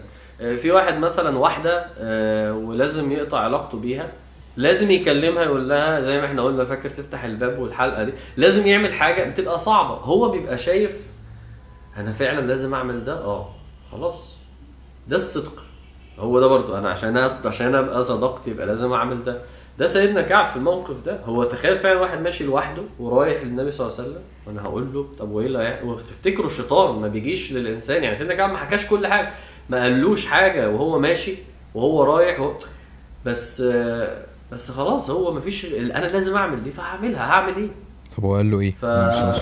ما لا ما أنا آه النبي صلى الله عليه وسلم شريف بقى كان واخد الحديد آه، هو قال له آه، آه، سيدنا كعب قال له إيه؟ قلت يا رسول الله إني والله لو جلست عند غيرك من أهل الدنيا لرأيت أني سأخرج من سخطه بعذر. ولقد أعطيت جدلا. قال له أنا أصلا بعرف إيه؟ يعني أنا أصلا شاعر فبعرف إيه؟ ممكن أقعد مع حد إيه أنا غلطان فاطلع أخليه هو اللي يعتذر لي وأخليه هو مش زعلان مني. يعني بعرف أحور الكلام يعني. بعدين قال له إيه؟ ولكني والله لقد علمت لئن حدثتك اليوم حديث كذب ترضى به عني ليوشكن الله أن يسخطك عليه. يعني لو قلت لك كذب عشان أنت ترضى يا رسول الله آه، صلى الله عليه وسلم آه، آه، ممكن ده يكون سبب إن ربنا يخليك تغضب عليه. ولئن حدثتك حديث صدق تجد علي فيه. تزعل مني شوية لو قلت لك الصدق إني لأرجو فيه عقب الله. مم. ولان هو في هو هو هو هنا بيراقب ربنا سبحانه وتعالى. قال والله ما كان لي من عذر. والله ما كنت قط أقوى ولا أيسر مني حين تخلفت عنه. أنا باجي عند الحتة دي يا جماعة ببقى متخيل مثلا إن إن إيه سيدنا كعب متخيل إن النبي عليه الصلاة والسلام إيه هي- هياخده بالحضن وإن الكلمتين دول حلوين يعني. كلمتين قال له أنا كنت بقول كده أقول الكذب بس أنا قلت الصدق لأن أنا نفسي إن ربنا يرضى عني. ف النبي عليه الصلاة والسلام راح قايل أما هذا فقد صدق. قم. قم فقم حتى يقضي الله فيك. إيه ده؟ يعني كده مش خلاص أنا كده توبت خلاص ويعني الموضوع خلص كده. والنبي عليه الصلاة والسلام بقى يطبطب عليا ويحضني قال لأ. هنا الذنب ده مختلف. تمن كبير. و- وانت وانت وانت مش شخص عادي. يعني يعني يعني أحيانا برضه هتختلف من الأفراد من واحد للتاني. يعني غلطة في- دي لما تيجي منك لأ. معاني تربية مختلفة. صح. لا فالنبي عليه الصلاة والسلام كلها آه. آه كمل كمل كمل.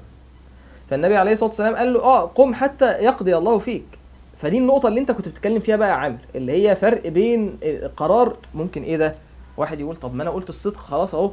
يعني ما أنا أنتوا عايزين مني أكتر من كده أعمل إيه؟ إنه لا أنا هتكلم في انه إنه هي أصلا التوبة جزء منها ما بعد اللي هو إيه ما بعد يعني قرار التوبة. قرار. جزء منها.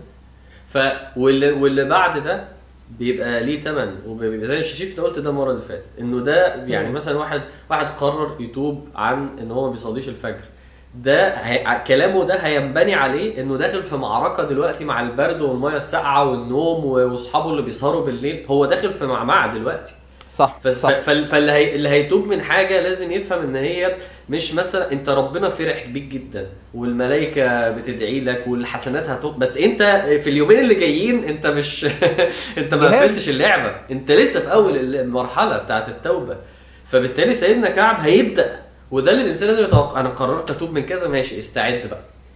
يعني ده يلا استعد الشيطان هيجي لك واصحابك هيجوا لك استعد إيه ده. لسه أول حاجة جت على, طول بعدها على طول يعني أنت أنت آه، بتقول استعد بالظبط، على طول. بعدها يعني أول لما خد القرار.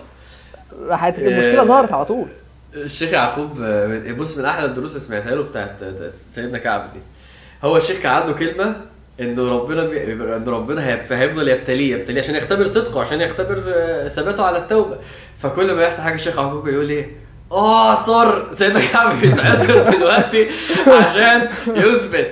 فيجي له ملك غسان. اعصر فالشيخ كل فعلا الدرس كله. هو عن آه وأنت هتحس سيدنا كعب ليه؟ كمان. لأن هو الشخص اللي بيتوب داخل دلوقتي لأنه كمان يعني إحنا يعني أصعب لحظات هي هي هي الأقرب لل- لل- للذنب. يعني كل ما الوقت هيعدي والثبات هيزيد والمجاهدة هتزيد خلاص الموضوع هيتلاشى وهيهدى. بس أنت في مرحلة دلوقتي اثبت صدق التوبة. وده بيحصل فعلا تلاقي واحد عمره ما حد كلمه فجاه بنت بتكلمه يا بنت الذين تكلمني دلوقتي ليه؟ آه سوري افتكروا بقى الكلمة دي. افتكروا الكلمة دي. يبقى مثلا هو ما بيتفرجش مش عارف إيه فيلاقي فيلم وجاله ببلاش ونتفليكس. آه سوري والله الكلمة دي. والله داخلة في بالي العقل. هتتعصر انت انت هتتعصر عشان تثبت إنك جامدة قوي تواب. صراحة. مش ممكن بتقلب معاك في الأول بتأثر وبعد كده بتضحك. لأن الشيخ بقى بيقول لك عارف- عايش مش نعمل فالشيخ جميل. في أنا دي. واحدة واحدة مسافرين أنا أنا كنت كنت عاملين كنت عامل سلسلة في شرح حديث توبة سيدنا كعب بن مالك ده.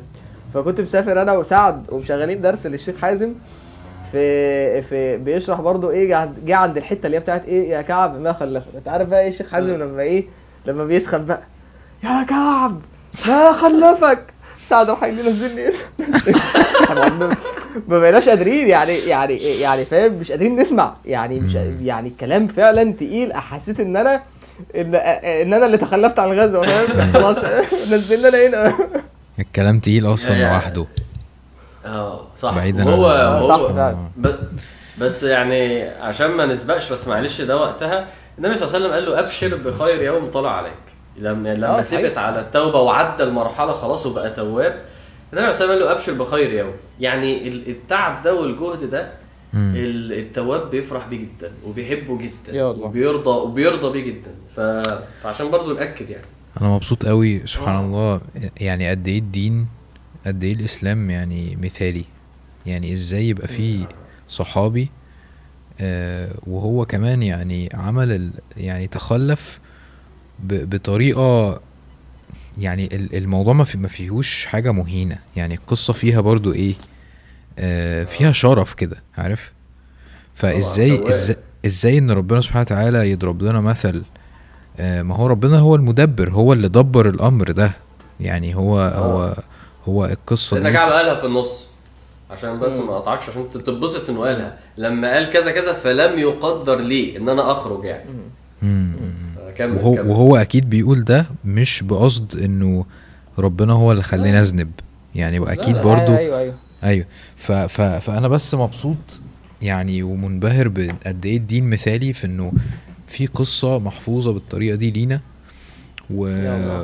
و... وانه يضرب مثال بصحابي عشاننا يعني عشاننا إحنا فاهم ف ف أنا بس بحب أستحضر المعاني دي يعني عشان. أتثبت يعني أكتر يعني.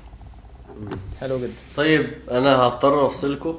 Okay. أو تكملوا أنتوا عشان هي هتفصل. بس يعني يعني يعني لو إحنا هنقف هنا أو حتى كمان شوية بس يعني محتاجين ندعو الناس إن هي تكمل القصة. يعني يعني أنت ليك دروس الشيخ أحمد المنعم أنا بقول لكم اللي عايز بقى يوصل لل level الشيخ يعقوب. يعني كمية الناس اللي اتكلموا في القصة كتير يعني. فأهم حاجة الناس برضو ما تنساش إن هي القصة والحديث والتعليقات بتاعت الشيوخ الكبار ما تفوتهمش يعني لأنه فيهم حاجات أكبر بكتير اللي إحنا قلناها. آه، غير أنت- كده قدامكم أنت الكاميرا هتفصل؟ قدامكم 4% طيب أنت البطارية التانية موجودة؟ اضحك عليك وأقول لك إن أنا شحنتها يعني. يا ممكن اضحك الله عليك وأقول لك شحنتها ممكن. ماشي عايز تكذب. يعني عايز تكذب في, في القصة اللي إحنا بنحكيها دي يعني. آه، الصدق يا ابن الصدق طب يلا يلا. يلا لسه. يلا يعني بسرعة خلص. طيب بص هقول لك حاجة هقول لك حاجة هقول لك حاجة. إيه يا حبيبي؟ طب آه، حطها في الشاحن دلوقتي. لا لا لا وقفها هتكملوا. أنتوا عادي. وقفها وهاخد وهاخد من الفيديو من ال من هنا؟ آه هاخد من هنا. طيب. ماشي؟ طيب، هبين ده. عشان الله خلاص سيبها طيب. كمل لسه لسه طب لما لسه اصبر. أوكي كمل كمل. كمل يا شريف. ماشي. انت ممكن تصور ب... يعني هات سيبك موبايل منه تاني. سيبك منه. لا لا لا, لا كمل يا مش عم. هيعرف. مش هيعرف مش هيعرف لا حول ولا قوة إلا كمل بالله. كمل. يلا يا شيكو إحنا واصلين مش فين؟ هيعرف ليها حاجة لا لا لا إحنا مش- واصلين فين؟ أنا أنا عايز إحنا أعرف مش هيعرف ليها يا ابني إحنا بنلصمه يا ابني. يعني إحنا إحنا إحنا إحنا في مرحلة انه سيدنا كعب هيقعد يتعصر دلوقتي. وبعد كده بص بص بقول لك إيه يا يا كعب. معلش معلش. أنت بس أبشر يا مستعجل. شريف. لا مستعجل والله مش مستعجل. طيب أنا عايزك بس تهدى وتبطل فرق. ماشي خلينا نكمل. ماشي إحنا اخرنا الميتنج ده ما تقلقش أنا معاك يعني. طيب ماشي. طيب يلا. إحنا آه، هنكمل بعدها. آه بعدها إيه؟ إحنا قلنا إن بعد لما أنت تاخد قرار التوبة الحتة بقى بتاعت العصر بقى الابتلاءات اللي هتشتغل بقى. فأول حاجة صار. هحاول إحنا ممكن نعمل Effects. ورا الصوت أيوة، بتاع أيوة. بتاع كده. يلا طب يلا طب كمل طيب كمل. طيب خلينا بقى نركز بقى. المهم. إيه؟ قال آه، سيدنا كعب قال إيه؟ قال وثار رجال من بني سلمة من قوم سيدنا كعب فاتبعوني. فقالوا لي والله ما علمناك أذنبت ذنبا قبل هذا. لقد عجزت في ألا تكون اعتذرت إلى رسول الله صلى الله عليه وسلم بما اعتذر به إليه المخلفون. فقد كان كافيك ذنبك استغفار رسول الله صلى الله عليه وسلم لك. يعني بيقول ثار رجال من بني سلمة. جايين وراك. إن إيه عم- عملوا ثورة عليه. إيه اللي أنت عملته ده؟ أنت يعني لازم تحبكها. ما. كنت قول أي حاجة. وأنت راجل طيب وما عملتش ذنوب قبل كده. ولو كان النبي استغفر لك ما خلاص كان ربنا غفر لك الذنب بتاعك. فسيدنا كعب يقول إيه؟ قال فوالله ما زالوا يؤنبونني حتى أردت أن أرجع إلى رسول الله صلى الله عليه وسلم فأكذب نفسي. يعني إيه؟ أنا كنت هرجع أقول له على فكرة بعد ال- الخطبة اللي سيدنا كعب قالها والله ما كان لي من عذر يرجع يقول له لا أنا كل الكلام اللي أنا قلته ده ده كذب. أنا كان عندي أنا افتكرت إن أنا كان عندي عذر. أنت متخيل هنا يعني سيدنا كعب يا جماعة مش يعني يعني لو في حد لو في حد هنقول إن هو صعب إن هو يتأثر بضغط المجتمع وبالصحبة السيئة هنقول ماشي الصحابة. يعني صحابه فاهم؟ يعني إيمان قوي في صلابة في الإيمان معايشين للنبي عليه الصلاة والسلام. فإذا كان سيدنا كعب قال أنا كنت هتأثر بكلامهم. فما بالك إحنا؟ وهو شخصية. صلبة يعني شخص قوي. يعني وده يعني بيوقع لا- بيوقع ناس كتير بيوقع ناس كتير كتير كتير. أي آه، صحيح. الناس اللي حواليهم يعني. يعني أنت لما إيه- تاخد قرار التوبة تحذر من الناس لأن هم هيوقعوك أيوه؟ بالظبط. آه هيوقعوك. مين اللي هيبقى حواليك؟ آه مين اللي هيبقى حواليك؟ وهيقول لك إيه؟ وهيعينك ولا هيشدك؟ يعني ده أساس. يعني أنت أصلا في أضعف لحظاتك وفعلا و... و... وض- فعلا ضعيف جدا. محتاج حد يثبتك ويقويك وي... ويطبطب عليك وياخد بإيدك وي... ويشغلك عن الذنب و و- مش واحد آه، يبقى بيكسرك يعني. صح جدا. إيه بعدين بعدها سيدنا كعب سأل في حد حصل له اللي حصل لي ده فقالوا له إيه؟ قالوا له على اتنين اللي هم إيه سيدنا هلال بن أمية ومرارة بن الربيع ابن ربيعة فقال فذكر أو فذكروا لي رجلين صالحين قد شهدا بدرا فيهما أسوة. قال أنا إيه؟ هقتدي بدول. فدي نقطة مهمة إن الإنسان يتعلم من قصص التائبين وإن هو يبقى ليه آه، آه، أسوة في آه، الناس دي.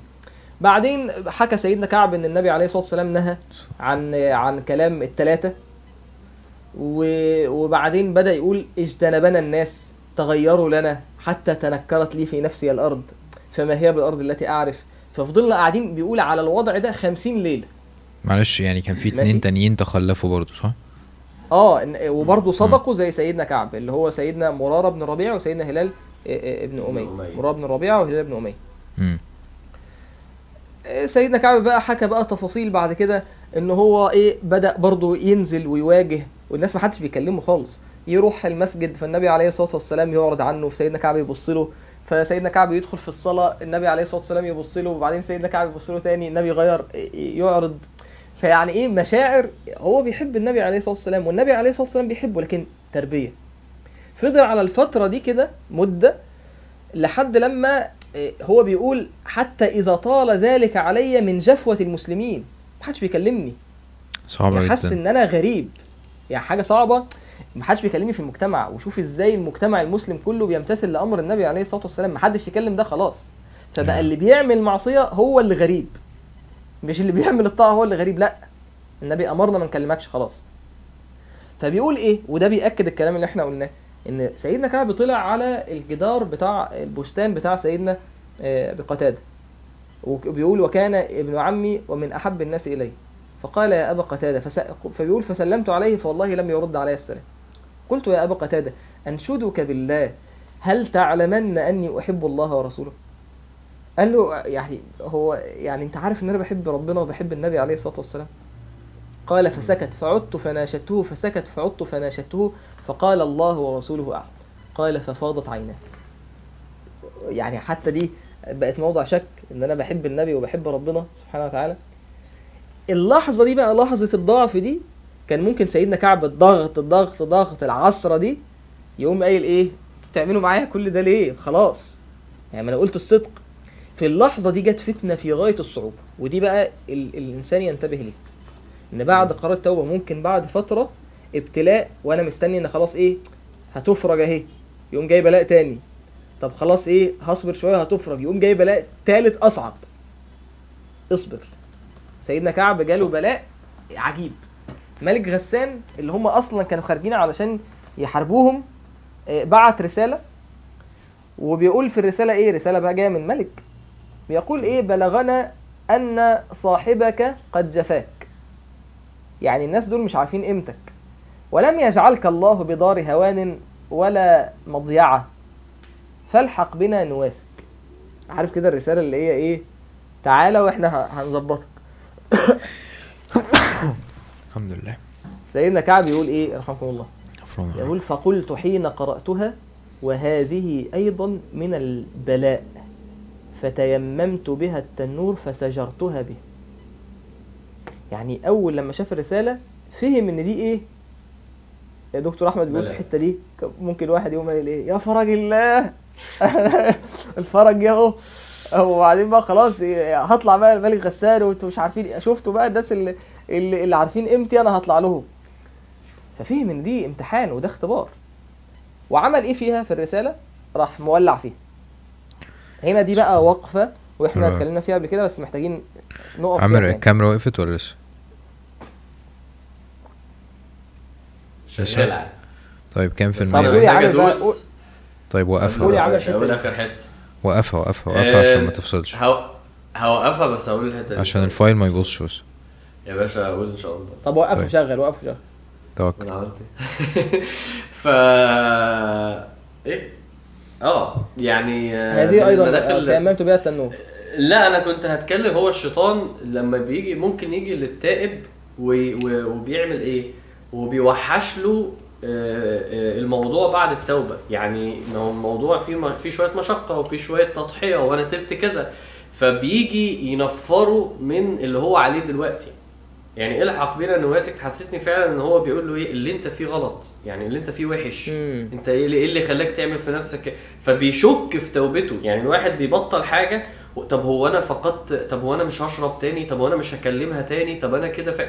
وبيبدأ إن هو يحسسه ده قرار غلط. أنت خسرت كده كتير. أنت كنت في حتة تانية خالص. ممكن ناس أو هو لوحده على فكرة دي أفكار. محتاج إن هو يفهم هذا من البلاء. لأ أنا يرجع تاني لأفكار أو مشاعر. أنا لما جيت آخد توبه ليه عملتها؟ ليه قررت أبطل؟ أنا كنت مصمم قد إيه ومبسوط قد إيه ومقتنع قد إيه؟ مع الوقت ال... ال- الحاجات دي بتهدى فلما بتهدى بيطلع عكسها. فلما يطلع عكسها يشككه ويخليه يبقى عايز يرجع مع إن هو هو نفسه اللي خد الخطوة من الأول. فمحتاج يرجع يفتكر ده. لأن الش- الشيطان كتير. يعني أنت أنت يعني أنت عمرك ما هتبص لواحدة تاني؟ يعني أنت عمرك ما ك... يعني هو يحسسك إن الموضوع بقى. تقيل الموضوع بقى صعب وأنت خسرت كتير. هو نفسه محتاج يرجع يقول لي أيوه أنا قررت إن أنا عايز أبقى ده لأن ده أحسن ليا بكتير. حلو قوي. فيعني دي الملحوظة اللي بفتكرها في الحتة دي. طيب ممكن نختم. الكاميرا على كده. اختم يا حبيبي يلا. آه ممكن نختم ان إن خلاص الناس فعلا محتاجين إن هي تقرأ القصة وتسمع الدروس اللي هي اللي, اللي في في في الموضوع ده عشان تكمل. طبعا المعاني فيها كتير جدا.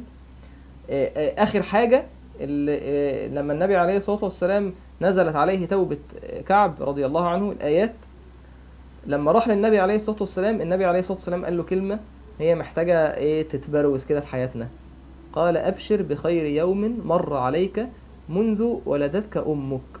يعني يوم التوبة بتاعتك من الذنب ده ده أحسن يوم في حياتك. يعني لما تسأل حد إنسان كده إيه أحسن يوم في حياتك قول له يوم ربنا تاب عليا. الحمد لله. سبحان الله. سبحان الله.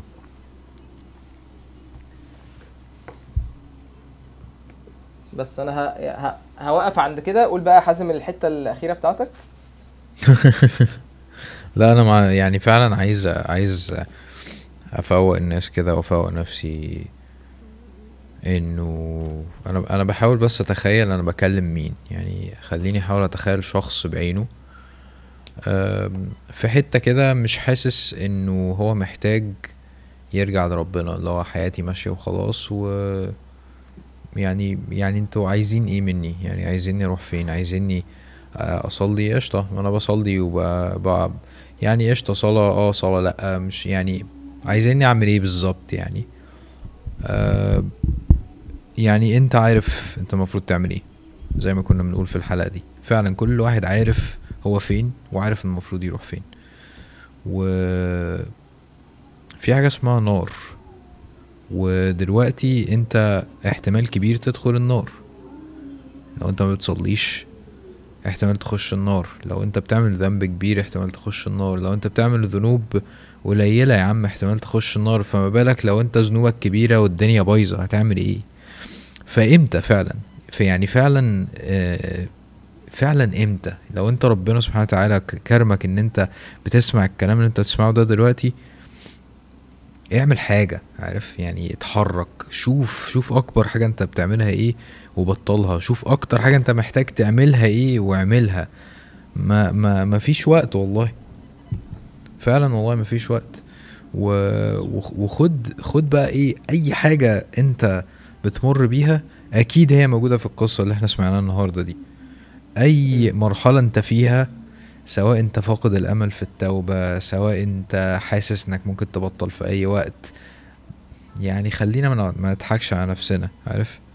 انت مش وحش بس انت محتاج تبقى كويس عارف؟ انت مش وحش بس محتاج تبقى كويس.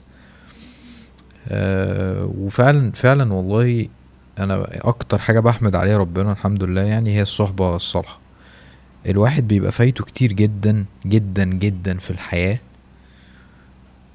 لو هو ما عندوش صحبة صالحة كويسة بيقدر يفرح معاهم بجد. يعني الفرحة بتاعة الصحبة الصالحة وانت قاعد بتهزر مع مع ناس وانتوا بتتكلموا في الدين وبتهزروا ومش عارف إيه الفرحة دي بتبقى حقيقية. عارف؟ لو هنتكلم على فكرة انه الذنب مش worth it وإن أنت مثلا ممكن في الذنب ده بتبقى قاعد بتهلس مع أصحابك وبتهزر ومعرفش إيه وإن الذنوب فيه كتير منها أصلا بيبقى متمحور حوالين إن إن أنت تبقى قاعد في وسط ناس وبتضحكوا وبتهزروا وبتفرحوا مع بعض. فالفرحة دي مش بت مش بتستمر. الفرحة بتاعت الصحبة الصالحة فعلا دي والله فعلا دي اللي بتستمر. واستمرارها بيستمر إن أنتوا بتبقوا صحاب في الجنة. ففعلا عايز أدعو الناس آه، إن هما ما يبقوش خايفين من إن هما ياخدوا الخطوة بتاعة التوبة. آه، ممكن تبقى متخيل إنه الناحية التانية ما فيهاش المتع أو ممكن تبقى مملة أو ما تبقاش زي اللي أنا فيه. والله والله هي أحسن بكتير. والله العظيم بجد. آه، فعلا هي أحسن بكتير جدا. وفعلا فايتك فعلا فايتك. مش هتدعي إن إحنا فيها بقى ومش عارف إيه وبتاع بس على الأقل الواحد ممكن يبقى داق شوية. يعني ممكن يبقى في مرحلة في حياته داق حاجة يقدر ينقلها للناس أو أو يقول للناس ما تقلقش عارف. المية حلوة نط عارف المية مش ساقعة نط في المية. ف... فنط في المية. بس كده. أشوفكم في الحلقة الجاية. السلام عليكم.